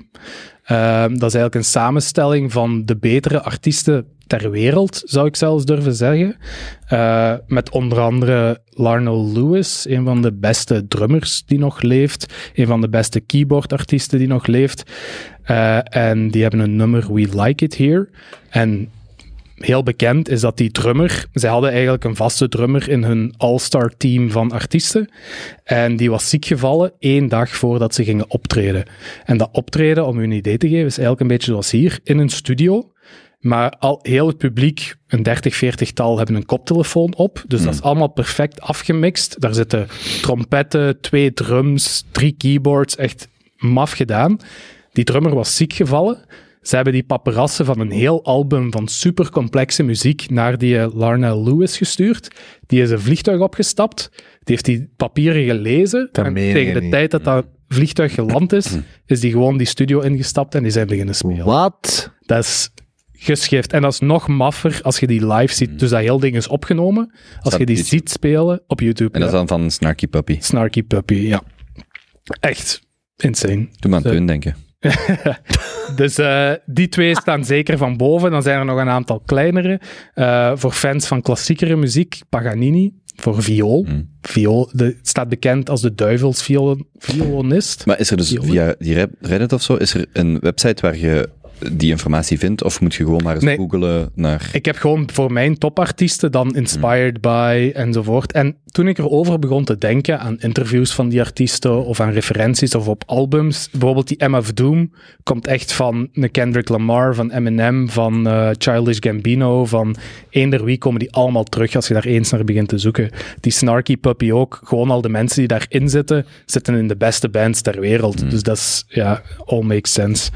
Eh, voilà, en daar ga ik het bij laten. Er zijn er nog een aantal. Nice. Ehm, maar die zijn minder. dat artikel van een artist, artist Ik ga het nog eens zoeken in mijn history. stuur het Dat, we het kunnen linken. Dat, ik vond dat vroeger, ik dat met boeken regelmatig, dat je dan zo interviews van auteurs die je graag leest, en dat je zo vraagt van, maar, van- qua schrijfstijl, qua filosofie, en dat je dan ook soms bij boeken terechtkomt, dat je dacht van, ah, daar heb ik nooit, nooit van gehoord. Of als ze zo aan voetballers vragen, wie is de beste voetballer die jij, en dan geef je zo antwoorden en je denkt, know, of, of wie is de Ja, persoon, en dan, en dan gaat je zo filmpjes van opzoeken en dan denk je, ah ja, daar had ik zo nog nooit zo naar gekeken, of zo. Wel, die MF Doom is echt zo, die heeft dan, oké, ook wel een miljoen views of zo, maar die artiesten die hem refereren hebben honderden miljoenen. Hmm. Misschien toch nog eentje voor films, Stanley Kubrick, ik weet dat hem niet zo onpopulair is, maar om u aan die films te zetten, zo 2001 A Space Odyssey, Mm. om die nog eens echt van A tot Z te bekijken, Ik heb die nooit gekeken. Ik heb die- nog zo, die is heel traag, oké? Mega traag. Als in, er gebeurt niks het eerste uur. Maar wat je vooral moet onthouden, is dat er geen enkel special effect in die film zit. Ze waren nog niet naar de ruimte geweest. En die film speelt zich af in de ruimte, tussen de ruimtestations en Mm. al die dingen. Sick. Mega goede film. Heel cool, hè? Eh, ga ik zeker eens beluisteren. Al die dingen. Wat ik ook cool vind, is zo de, eh, hoe heet dat, genealogie. Mhm. Dat bij mensen, maar je hebt ook bij nummers. Dus voor mij het zomernummer eh, is eh, Prayer van Prospa. En je hoort echt zo, als ik dan, ik, elke keer als ik dat opzet bij wijze van spreken, zeg ik daarna eh, van Donna Summer, ehm, Love to Love You Baby, of zo, dat één heel bekend, zo het eerste synthesizer nummer. Wat dat de ander? En eh, je hoort echt gewoon, er zit 40 jaar tussen die nummers bij wijze van spreken. Ah, ik weet niet wanneer dat Mordor het heeft gemaakt. En je hoort gewoon echt zo de verwijzing van het een naar het ander. Of je kunt echt zo de genealogie trekken van hoe dat die nummers geëvolueerd zijn. En dat vind ik dan ook wel heel cool om zo terug te gaan. Met samples kun je dan natuurlijk, is dat nog iets heel anders. Zoals je vroeger zo bij Who Sampled die website, dan geef je zo'n nummer van Daft Punk in. Of dan zijn er zo filmpjes op YouTube van, die dan uitleggen hoe dat die sample Ja, dat gekomen is is. zo gaaf, ja. Als je, dat kan ik iedereen aanraden, als je een bepaald nummer hebt, zeker een nummer waar relatief nieuw is, maar het kan ook bij oudere muziek, gewoon eens opzoeken, zo sampled erbij zetten. En dan als je chance hebt dat je op YouTube een filmpje vindt over hoe dat die samples dan eh, vaak gemaakt zijn of eh, eh, ja, gebruikt zijn om nieuwe muziek. Ik vind dat, ja, ik vind dat ook su- super vet. Ligt allemaal Ja. zo aan het verlengde ervan. Van sampling is er van Kanye West een heel cool film. Ik zal ook nog eens opzoeken als ik het vind, zet ik het mee in de show notes van hoe dat sommige van deze nummers gesampled zijn. Mm. Dat is- Heel gaaf. Toen we ook denken nu aan zo ehm, twee weken geleden of ja, in elk geval afgelopen maand is zo Paolo Notini. Hm. Die, ehm, Ken ik niet. eh, ja, is- Oh, wel een cool artiest. ja, heeft een paar ongelooflijke nummers gemaakt. Ja, is hij heel bekend weer? Ehm, en die, eh, dat is voor mij ook zo'n artiest die ik heel graag volg. In de zin dat eh, Frank Ocean bijvoorbeeld heeft dat ook. Hm. Dat zijn zo van die gasten die dat ene keer om de goh, drie à vijf jaar een album droppen. En daartussen hoor je die niet. Ja, ja. Die zitten niet op sociale media, die doen geen interviews, die, die hebben geen YouTube. Die, en als je die aan... Eh, Paolo Notini volg ik al zeker tien jaar. Eh, Frank Ocean hetzelfde.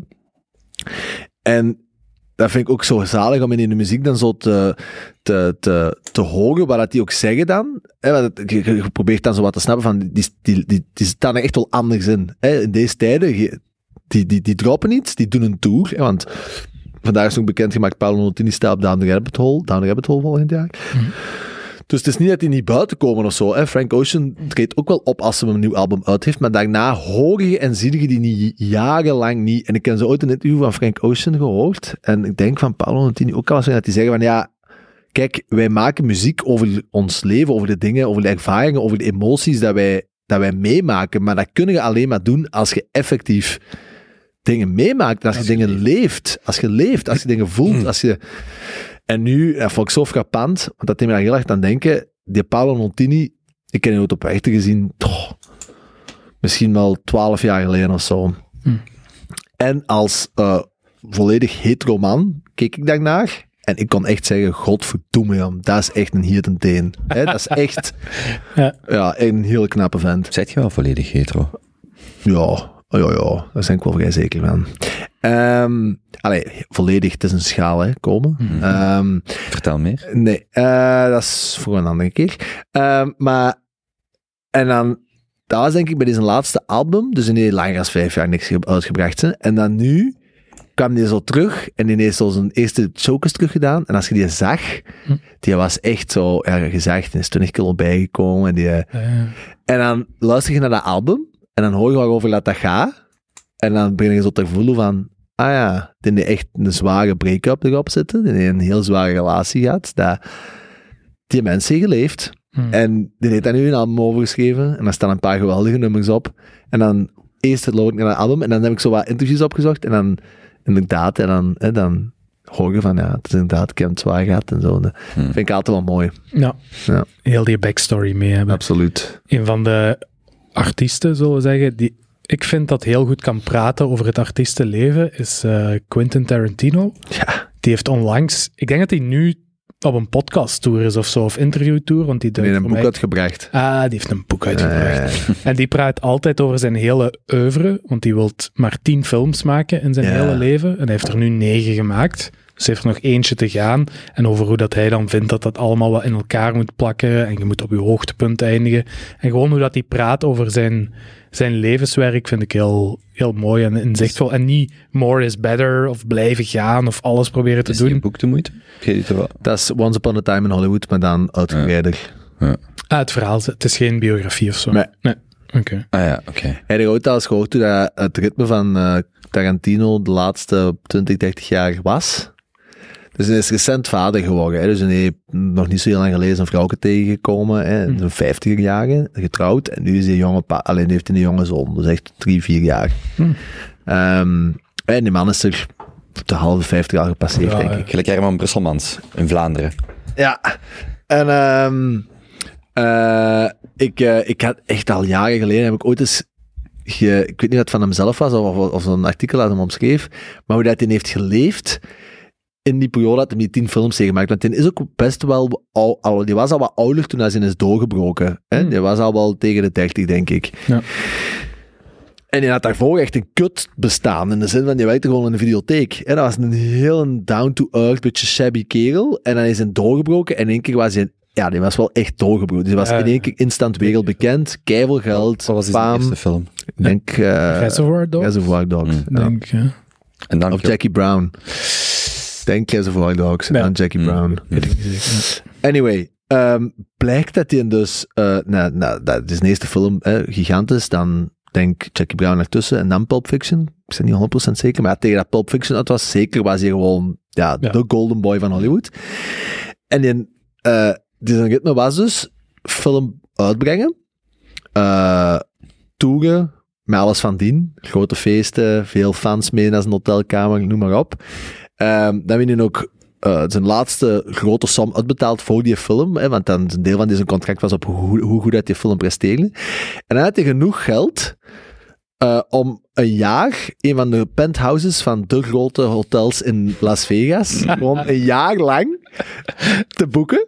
Hmm. En dan deed hij een jaar niks anders als coke, feesten, strippers. Hmm. Dus een jaar tot hij zijn echt ja, zijn geld er bijna allemaal weer had doorgepraat. En dan had hem terug die een drive om opnieuw te beginnen. En dat was het cold turkey. Dus dat was zo waarschijnlijk ook een paar maanden wel wat, wat afkicken en zo, shakes. Ja. En dan sloot hij zijn eigen jaar bijna op om zijn script. Volgende, hij schrijft ook alles zelf, om zijn volgende script. En dan was hij zo terug heel wat rustiger en meer rustiger bestaan. Een jaar meestal. Dan eh, eh, eh, voorbereiding. Hè? Dus eh, contracten met zijn acteurs vastleggen, het team beginnen samenstellen, de studio terug het budget gaan. En dan een jaar eh, filmen, en nabewerking en lanceren. En dat vierjarig cyclusje heeft hij blijkbaar in decennia of twee gedaan. Ja, dat is ook een levensritme, hè. Maar ik was toevallig vandaag naar Sam Harris aan het luisteren, zijn, zijn uitleg over wat hem van Twitter is, maar dat, daarop volgde een gesprek met Cal Newport, Mhm. ook al een paar jaar volg, en dan ging het zo over, die dan eh, digital minimalism en, en eh, daar rond heel wat werk heeft gemaakt. En die, die schreef dan iets zo, of die vertelde iets over zo een eh, journalist van de New Yorker, die blijkbaar ook een Pulitzer heeft gewonnen dan uiteindelijk voor het artikel. En die beschrijft dan hoe dat, artikel ook blijkbaar zo gewoon twee jaar heeft stilgelegen. Dat hij op een bepaald moment echt, bij wijze van spreken, twee weken op een bank in zijn tuin is gaan liggen en aan een, één tak heeft zitten kijken. Gewoon om te, te na te denken over hoe kan ik dit verhaal brengen. Uiteindelijk heeft dat dan nog een jaar gelegen of zo en dan heeft hij een Pulitzer mee gewonnen. En dat ging, ging zo over heel dat idee van eh, hoe, wat is uw proces om het meeste creatief te zijn of het meeste eruit te halen? Voor sommigen is dat dan effectief gelijk zo. George Simenon, een van de grote eh, schrijvers, die ik denk 200 boeken in zijn leven heeft geschreven, die schreef gewoon twee maanden per maand, twee maanden per jaar, en dan ging hij tien maanden reizen rond. En zo heeft hij, zo heeft hij 200, ah, 150 boeken in zijn leven geschreven. En zo, ja, er is een bepaalde non-lineariteit aan werk of zo, die, ja, waarvoor je eigenlijk al een creatief veld bij, bijna moet kunnen zitten om dat te kunnen doen. Maar als je dan dat soort verhalen hoort, ja, dat is wel, ja, als dat werkt voor Nee, ja. Tarantino, Ja. moet je dat doen, hè. Andere manier van leven. Ja, ja want Ja. Ik, ik heb nu gisteren de nieuwste van eh, Ryan Holiday uitgelezen. Uh, ik vond hem heel goed. Ik vond het Mhm. beste dat hij met elkaar had geschreven tot nu toe. En dat is dan totaal tegenovergestelde. Hè? Dat is dan eh, elke dag van half negen bij hem na het hem soorts met zijn kinderen is gaan lopen. eh, van half negen tot, denk ik, half één. Elke dag drie uur. Hmm. Dus dat is, dat is, ja, daar zit heel veel verschil in. Hè? Ja, wat, wat Newport zei is, want ik vond, ik vond het wel echt heel interessant. Hij zei, en Shemaat had het er ook over met Lex, want ik heb ze beide vandaag geluisterd en het was eigenlijk toevallig over hetzelfde onderwerp of gelijkaardig. Die Newport zei van, ik probeer vooral heel hard mijn werk eh, af te lijnen. Als in, nu heb ik een blok van drie of vier of vijf uur, waarin ik enkel lees of schrijf of dit of dat doen. En hij zegt tegen Sam van, nu ik hier ook zit, ben ik niet bezig met moet ik nog e-mails beantwoorden, moet ik nog iets posten, moet ik nog iets delen, moet ik nog iemand een e-mail sturen of... Hij zegt, mijn werk is mijn werk en alles daarbuiten is daarbuiten. En dat was, sloot een beetje aan met, hij zegt, heel veel mensen zijn constant bezig met iets, hun werk of hun vrije tijd, of zijn constant online of constant... Hij zegt, en door het net af te blokken, hoef ik mij ook niet schuldig te voelen over die e-mail die nog binnenkomt, want ik weet dat ik mijn werk van vandaag heb gedaan. En als dat is twee uur per dag gefocust schrijven of twee maanden op een jaar niet buiten komen of dan is dat genoeg. Dan moet ik mij die andere tien maanden niet schuldig voelen. En dat vond ik ook wel, want dat, dat vond je wel zo, moet iedereen zelf over nadenken, hoe dat, dat dan, dat is dan iets waar ik naar aspireer. Ik zal het zo zeggen, dat je echt kunt zeggen, in mijn werk werk ik ook echt, en in mijn niet-werk, of in mijn familietijd, ben ik ook echt met mijn familie. Maar hoe vaak zit je kindjes spelen, dat je denkt, dat is eigenlijk het mooiste wat dat er is, maar dat je toch bezig bent met, ah, ik moet die factuur nog betalen, en als ik zelfs thuis kom, moet ik die nog antwoorden, en shit, ik zie net op WhatsApp dit berichtje binnenkomen. En ik denk, als ik die kerel hoorde praten, dat hij dat relatief goed zo afgescheiden had. Als ik met mijn kinderen ben, ben ik met mijn kinderen. Als ik met mijn werk ben, ben ik op mijn werk. En dat vond ik wel heel inspirerend of zo. Ik heb daar toevallig vorig weekend nog veel over nagedacht. Ik heb toen, eh, dat was mijn ander hoogtepuntje, maar eh, mijn ouders waren weg. En ik was bij hun thuis. Eh, en ik had er echt nog eens tijd voor mezelf, want ik had geen vervoersmiddel. Het regende. Eh, het was te laat om nog af te spreken met mensen. Dus ik heb nog zoals mijn yearly goals gemaakt. Op drie A3's uitgeschreven van een dag in 2033. En nou, heel die Bataclan om daarover na te denken. En daar heb ik ook veel over gedacht, want hoe dat ik nu mijn week indeel, of indeel, ik deel die eigenlijk niet in. Mijn werk loopt gewoon altijd door. Ehm, ik reageer vaak, ik kijk altijd naar mijn mails, ik lees mijn berichten en ik check alles tussendoor. Maar net daardoor voel ik me minder schuldig om door de week tussen twee en drie een uurtje weg te gaan, of tussen vier en vijf een uur eh, vrij te nemen, of een halve dag eraf te zijn. Maar op zaterdag of op zondag, dan check ik ook gewoon mijn mails of lees ik ook gewoon mijn Slack berichten. En ik ben erop uitgekomen dat dat voor mij eigenlijk heel goed werkt. Want dat is, voor mij is het dan het gevoel, het stapelt niet op. En dat zal zeker afhangen van job tot job. Hè. Maar voor mij, mijn job is nu eenmaal 90% coördineren en afspraken maken en meetings doen. En als je het vandaag niet doet, is het er morgen nog altijd. Het is niet dat het weggaat of minder wordt of hetzelfde blijft. Nee, er komt alleen maar werk bij. Dus als ik het iedere dag kan bijhouden, weet ik exact in welke staat dat ik ben. Ik heb ook mooi allemaal to-do'tjes in mijn Notion. Dat is allemaal mooi georganiseerd. Maar ik vind dat helemaal niet erg, of ik ondervaar daar geen stress van. Ik vind het zelfs aangenaam om gewoon te kunnen zeggen, nee, ik reageer gewoon. Zaterdag stuur ik nog een mailtje. Zondag voormiddag stuur ik er twee. Maandag stuur ik er misschien geen. En woensdagavond doe ik er nog Daar- vijf. Daar had Shamat het ook over, dat hij zo dus een heel strikte weekplanning heeft van opstaan, kinderen, sporten, psycholoog op maandag en dan zijn werk tot zes uur, maar dan ook diner is diner, familietijd is familietijd. Maar als hem ook aan het uitleggen, dat hij zegt, ik ben gewoon zo nieuwsgierig dat als ik een podcast hoor over een nieuw the- soort therapie voor borstkanker, dat ik dan ook die podcast wil luisteren, ook al is dat op een zaterdag. En dat hij dan zegt, dan komt net zijn vrouw binnen en daar is ook ruimte voor dat hij ook die dingen mag doen, omdat dat puur uit interesse of vanuit ik wil daar nu daarover nadenken of daarnaar luisteren of ik ben daar nu, heb ik een inzicht, ik wil daar even een uur aan werken of zo.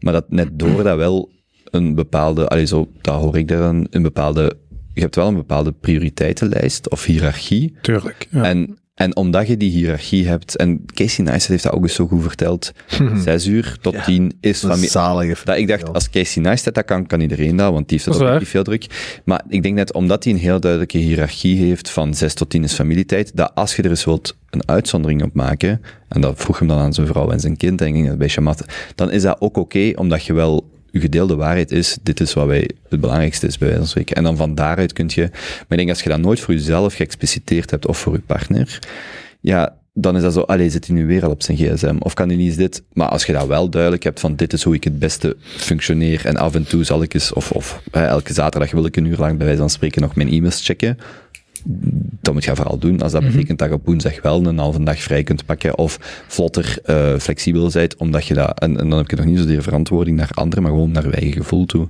Uh, en ook wel een beetje nuance, zoals nu zou ik dat niet doen en tijdens het avondeten ook absoluut niet. Maar als ik hier nu zelfs buiten wandel en mm. ik wil snel met een Slack chatten, checken, dan ga ik dat ook doen, ook al is ja. het, uh, ik weet niet hoe laat. En dan dat, dat voor iedereen, dat iedereen een beetje zelf moet invullen. Hè? Ja. Exact. Boys, ik heb nog een puntje dat ik nog graag had aangehaald. Want ik vond het echt... Ik heb er dus juist nog tijdens het eten uh, nog eens naar het zien geweest. Ik vind het echt fantastisch. Ik vind het echt een van de betere dingen dat ik in lange tijd zijn tegengekomen. Exact voor zo deze vraag. Van zo fascinerende personen. Hmm. En fascinerende dingen dat fascinerende personen doen. Ik was echt mindblown. Dus ja, ik denk dat vooral wij twee misschien zo wel wat meest into die self uh, quali self-qualified, mm. nee, self-quantified movement zijn. Hè? Mm. En zo, quantified self. Quantified self, Ik ja. ben vandaag nog bij de NKO-arts geweest, maar andere keer. Ja. En uh, um, ja, ik heb een gast gehoord op een podcast um, van uh, My First Million, die dat trouwens vind ik echt steeds beter en beter wordt. Doet noemt Brian Johnson. En die heeft uh, Braintree ooit gestart. En, ah, ja. Ja, ja. ja. en die heeft dat verkocht voor... Aan eBay of zo? Ja, voor 800 miljoen verkocht aan eBay. Ja. Um, en is sinds toen ook ja, aan het investeren, maar ook gewoon zijn intellectuele nieuwsgierigheid aan het volgen. En dat heeft die nu geleid naar een punt. Ja, ik noem het echt het, uh, het meest ver doorgedreven voorbeeld van de Quantified Self movement dat ik ooit al heb gezien. Dus die, die gast, wat hij heeft gedaan, is die, was er half de 40 en die was gewoon niet content met zijn fysieke status. Dus die stond wat vet, die uh, had stress, um, die had wel honderden miljoenen op zijn bankrekening en die had zoiets van, ja, ik heb het er echt mee gehad en ik heb ook wel echt het uh, intellectuele capaciteit om daar iets aan te doen. Maar ja, je wordt natuurlijk ook geen biljonair of miljardair als je niet um, de dingen een beetje anders bekijkt of extremer. Dus hij is echt all the way gegaan. Dus wat hij mee gedaan is, hij heeft gezegd van ik wil logisch onderbouwd de beste dingen doen voor mijn gezondheid. En ik bekijk gezondheid vanaf nu als x aantal parameters die dat ik ga fine-tunen voor de rest van mijn leven. En het uiteindelijke doel is om uh, met een biologische tijd zoveel mogelijk te gaan terugkeren.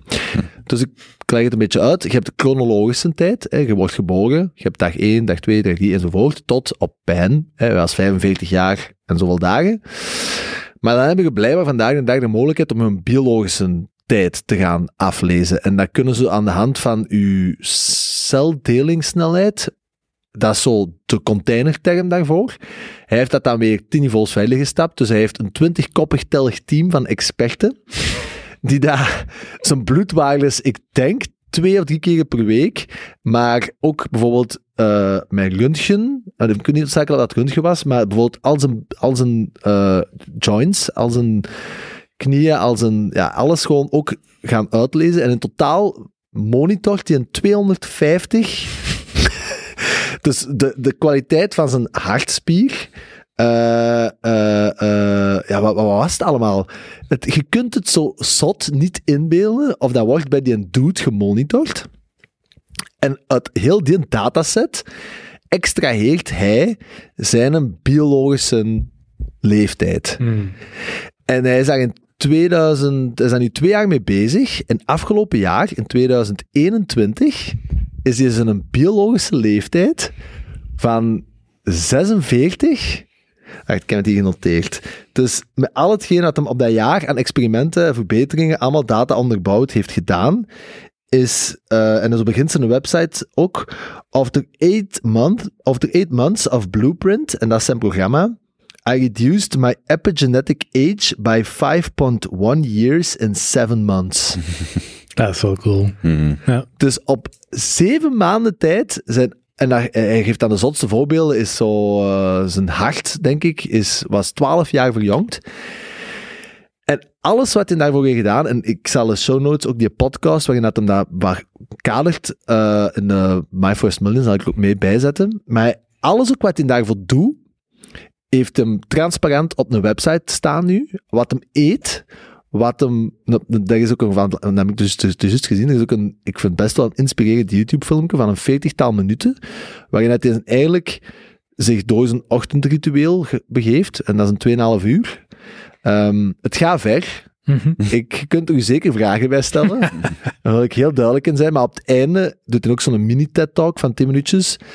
Waarin dat, dat, waarin dat, dat hetgeen dat hem daar eigenlijk allemaal doet, dat dat voor hem eigenlijk veel verder gaat. En dat dat een soort van meer een levensovertuiging aan het worden. Dus dat hem zegt van, uh, dit, dit soort van ver doordreven, en hij zegt ook, ik weet dat dat ver doordreven is, maar hij zei, voor mij gaat dat meer over een nieuw type van model, waarin dat je u als mens naar richt.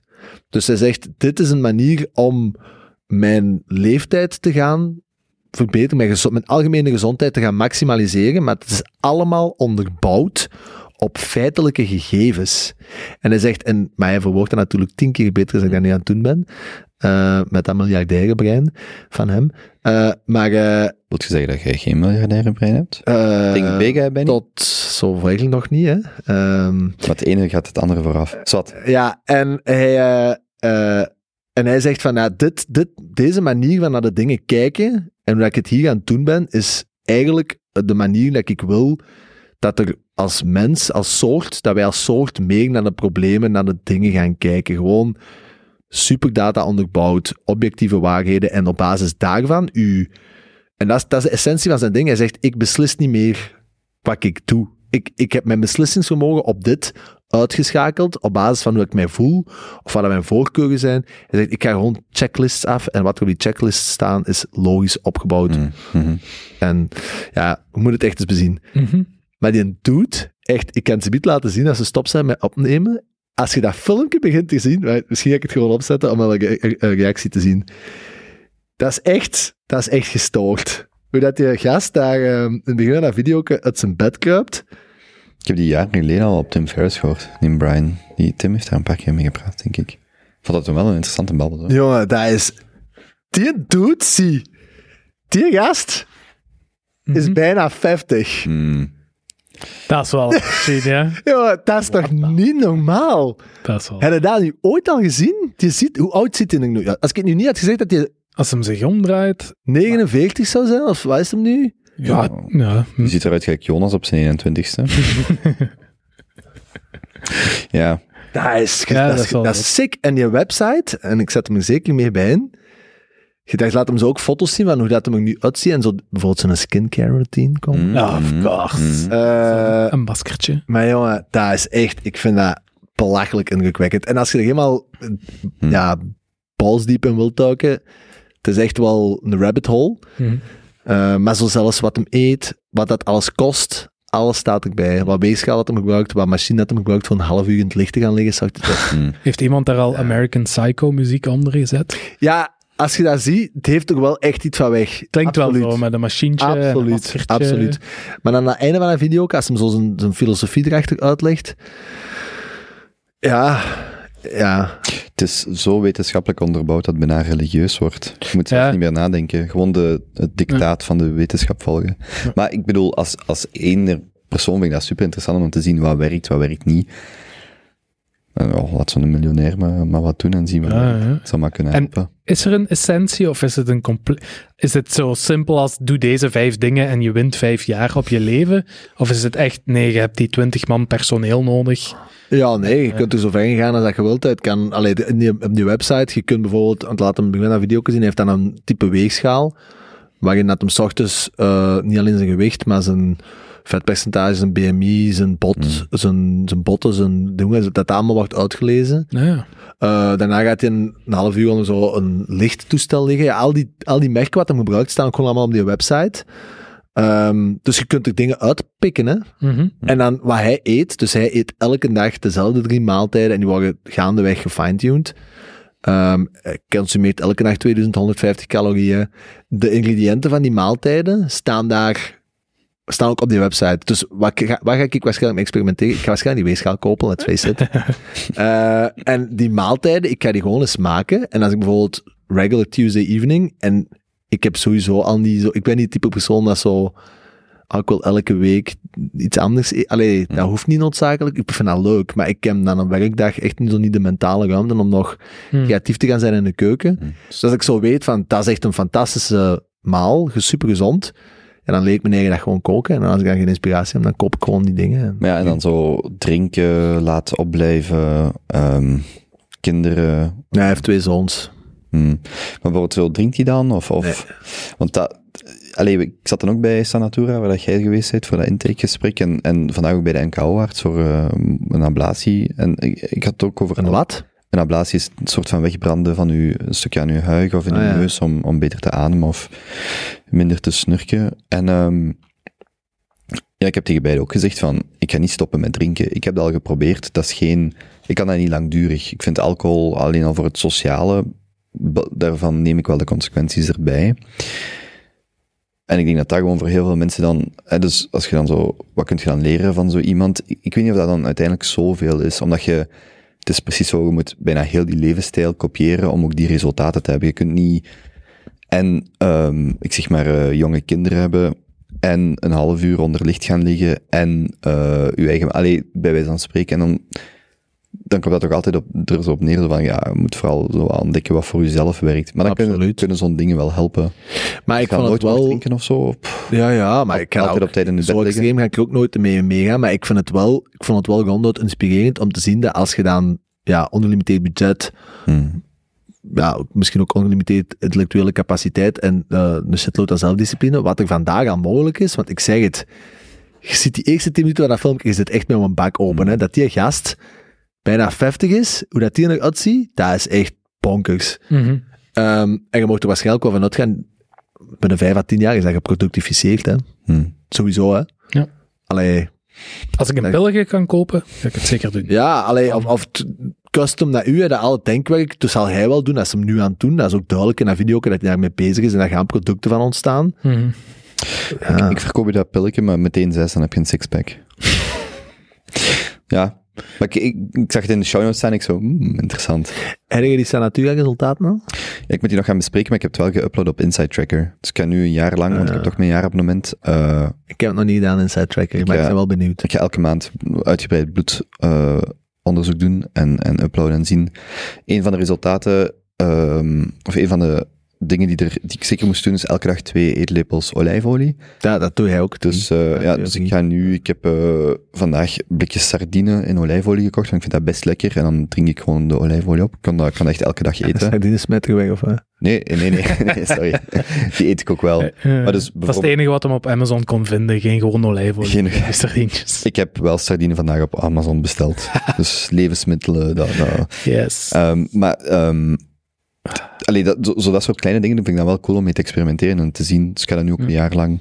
eh, en voor, eh, eh, sowieso ergens volgend jaar ga ik terug mijn eh carnivore experiment doen om te zien wat daar de, de impact van is. Nice. Hmm. Dus, maar dat is, dat is voor dan. Ik vond het wel interessant, want ik, allee, ik neig misschien ook de laatste maanden meer richting dat carnivore als het uh, tegenovergestelde. Het doet eet geen vlees. Hm, mhm. Oh, vegan of vegetarisch? Eh, daar ben ik niet zeker van. Ja. Dat moet je zien in het filmpje. Is, denken, hè? eh, hij zegt, ik eet, hij eet 50 kilo groente per... Damn. Ja. Ja. Maar ik denk dat, want daar had ik het met die eh, Charlotte ook over, zo...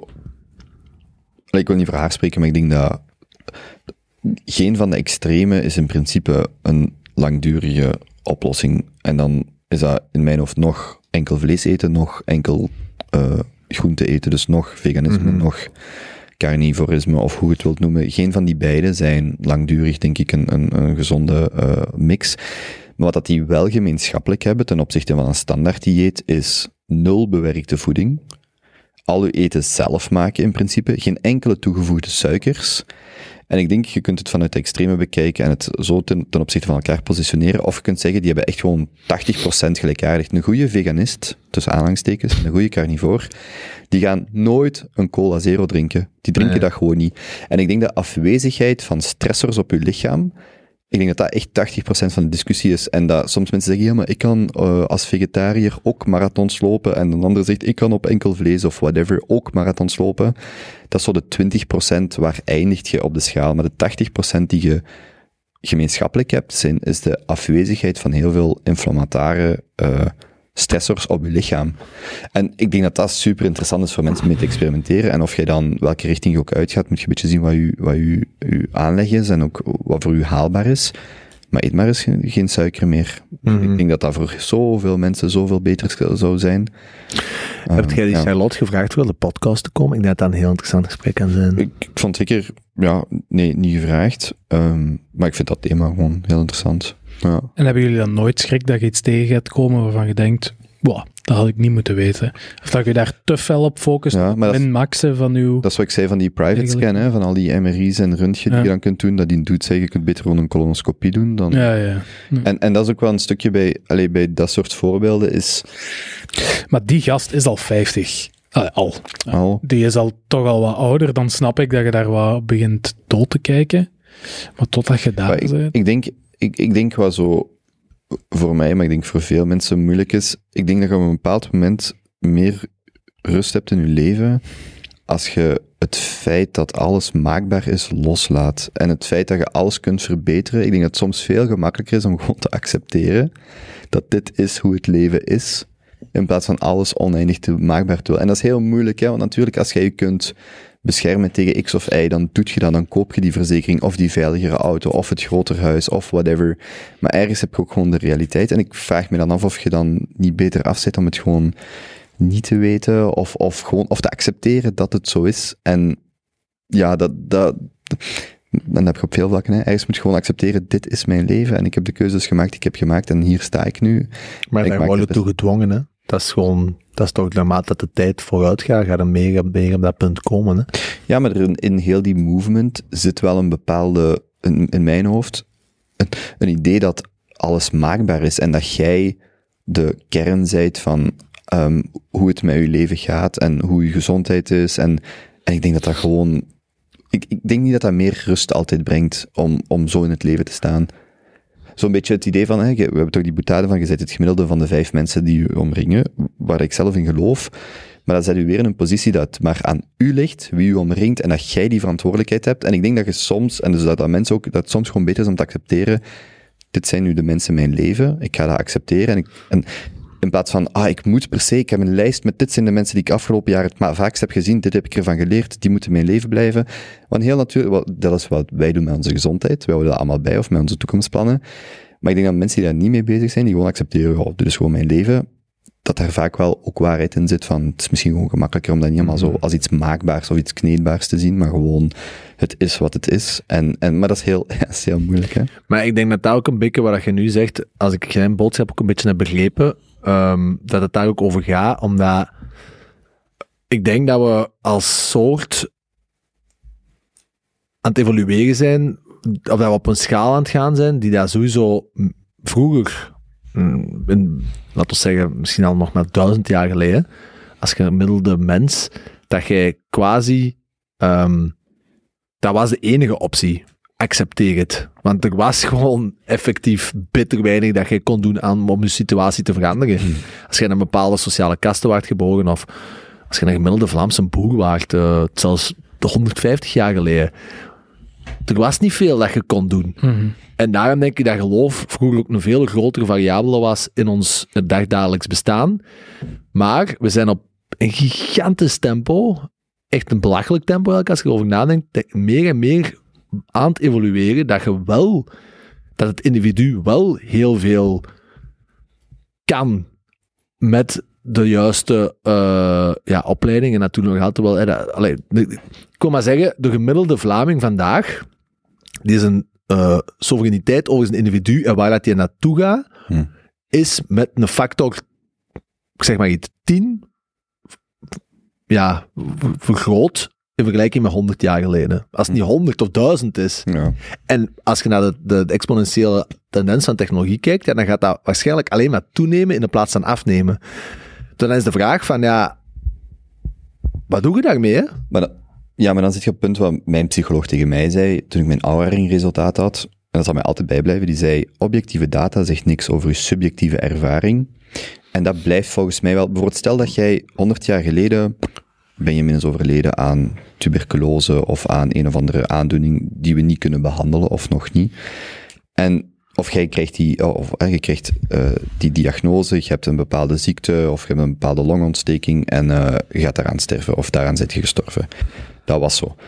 Vandaag hoort je dat je een of andere zeldzame subgenre dingen hebt die mogelijkste genezen is met 2 miljoen euro of iets waar, dat objectief meer informatie u meer zegt over wat je hebt, maar of dat het aanvaardingsproces, het, het, het, de rust verhoogt, ik denk dat dat vaak toch afwezig blijft bij mensen, omdat het net maakbaar is, omdat je net, als iemand tegen u zegt, ja, je hebt nog 2% kans om te overleven, gaat je daar alles aan doen, maar ik vraag me dan af of dat meer rust geeft in het aggregaat dan gewoon je gaat gewoon sterven binnen zes maanden. En dat is, en voor alle duidelijkheid, ik heb liever dat iemand tegen mij zegt, je hebt 2% kans om er alles aan te proberen doen, maar ik weet niet of dat in, in het geheel net een, een, een, een perso persoon in een maatschappij onrust hier maakt, of minder.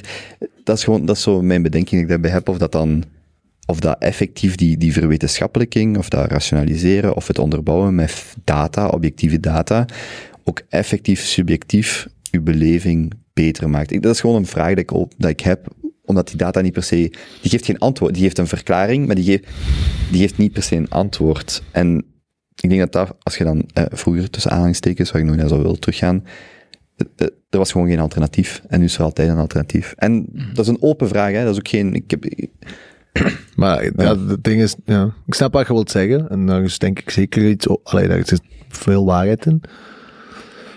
Maar ik geloof persoonlijk wel dat die, die, die technologische uh, hoge snelheidstrein waarin dat we, gaan, waarin dat we opzitten, tenzij dat er echt, echt grillige dingen gebeuren, en dat kan, hè, dus dat is niet onmogelijk, maar ik acht wel dat dat een sub, maar is het 5% kans is of zo in de komende, mm. wat zeggen, 100, 200 jaar. Ja, ik verwacht wel dat een hoge snelheid, alleen de technologie hoge snelheidstrein, dat je alleen maar gaat, die gaat alleen versnellen. Ik denk niet dat hem gaat vertragen. Nee, nee. Dus dan, dan, blijft voor mij wel de vraag van, ja, ik denk inderdaad dat dan, dan kunt die vraag, misschien gaan er heel veel mensen gewoon daar eerder afkeurend naar gaan kijken en meer terug richting dat geloof gaan en meer richting wat jij omschrijft gaan. Maar dat er ook wel minstens een even groot gedeelte meer richting die individuele soevereiniteit en, en, mm en dat gaan neigen. En, en, maar dat kun je sowieso dat is sowieso de richting die we uitgaan en, en daar marcheren we in. Als wij vandaag vinden dat we ziek zijn, dan gaan wij zelf naar een huisarts. We hebben geen toestemming nodig van niemand, dus er is ook geen uh, budgetvraag. We gaan gewoon naar een arts en dat kost ons 5 euro. Dus er is al een, ten opzichte van 100 jaar geleden moest je bij wijze van spreken een maandloon betalen om naar een dokter, allee, of een bepaalde ingreep te hebben. Dus sommige dingen zijn ook gewoon technologisch mogelijk gemaakt de vraag is gewoon altijd hoe dat, hoe dat die mogelijkheid, u ook subjectief, uw ervaring, dus een vraag aan die uh, Brian zou dan zijn, zijt je ook subjectief gezien gelukkiger? En dan denk ik dat er, dan zou mijn gok zijn dat de maat waarin hem zes jaar kan verjongen op zes, op acht maand, hij kan niet zoveel procentueel zijn geluksniveau aanpassen in diezelfde periode. Dat is denk ik, ik denk dat zijn geluksniveau over lange termijn min of meer hetzelfde blijft. En, en opnieuw, dat is, kan dat niet staven. Hè? En ik denk dat dat er zo wat onderliggend in zit. Waar, waar ook allerlei conclusies of andere dingen mee kunt doen. Mm Neemt niet weg dat wij vandaag zalig veel, en daar hebben we het al over gehad, zalig veel tools hebben om met eigen gezondheid bezig te zijn. Um, het is natuurlijk zo, er zijn een, als er een oneindig aantal parameters zijn, ja, de welke kies je dan weer hè, en de welke optimaliseert je en geeft u dat? Ligt het dan effectief aan de maaltijd of moet ik toch het lichtmasker kopen of moet ik toch die weegschaal of moet ik toch op tijd gaan slapen of moet ik toch stoppen met drinken of moet... En heel die molen, denk ik ook dat voor veel mensen dat die dus hebben, ik wil het allemaal niet weten, want dat geeft mij meer onrust dan... Ja, dat kan wel. Ja. En moet ik, mag ik dan nooit sneller rijden, want dan gaat mijn cortisol stijgen. En schat, we moeten nu stoppen met ruzie maken, want ik moet over een uur gaan slapen en dat is echt slecht. Ik trek het op flessen, hè, maar dat zit wel in het verlengde daarvan, dat ik denk, nee, soms... Allee, Mhm. ja. Maar het is niet categoriek. Je kunt van alles iets leren. En dat vind ik wel heel cool. Klopt. We gaan moeten gaan afronden, hè. Yes. Jij moet nog terug naar uh, Louvain, Ja, Louvain. ik had juist het, eh, het uur gespot. Het is even rijden. Niet met de trein, maar ze staken vandaag. Ah, fuck that shit. Jongen, dat is... Ja, nee, laat ons niet beginnen, want dat was de volgende... Ja, come on. Heeft niemand respect voor? toch? Ja, breek me een bek niet open. Vond je ervan? Ik vond het leuk. Heel veel dingen gezegd, zo veel variatie. Ik, ik vind dat wel leuk als er zo veel aan, aangehaald wordt. Ja, Zeker. Maar dan moeten we door die eerste twee Ja. raken en dat is vaak. Dat mogen we mogen we niet zien dat we niet in die val trappen om te lang... eh. Jezus. Ja. ja, we hebben de world's greatest moderator nodig. Hè. Misschien moet iemand van ons meer, eh, Jason. Moderator. meer of beter moder- modereren. Ehm, ja, Onze kerstshow is uitverkocht, dus we doen dat gewoon. we hebben, ja, we hebben nog één aflevering. Dat is met zuipen, hè? is het kerstmis. Dat drinken we toch, hè? Shotjes om te beginnen. Glue wine. Oeh, Ik ja. drink dat eigenlijk echt niet graag, Jij maar zit, alleen eh, zo op die dag. Jij zit eh, drank en hapjes verantwoordelijk. Kun je dat gemakkelijk zelf maken? Glue wine? Is dat Ik nou goed? wel. Ik dat- Ik heb dat zondag nog gedronken in Duitsland. ik ga dat... Jongen, ik heb zoveel Opzoeken. braadworst en smoutenbollen gegeten. Het is echt erg. Het is echt erg. Ja, jong. Die Ik ben op die kerstmarkt aangekomen. Ik heb gezegd, ik ga alles wat ik wil, ga ik ook proeven. Ah, En on that bombshell van het ene contrast naar het andere, er gewoon op. Oh, dus het was me weer een waar genoeg. hè. Kleine van 78 is eh, ingeblikt. Ja, en daar kunnen we zeker nog 14 jaar van afpitsen. Ons best gaan doen. Hopla. Oké, bye bye. Toedeloe. Toet. Iemand moet een beat geven? Give me one.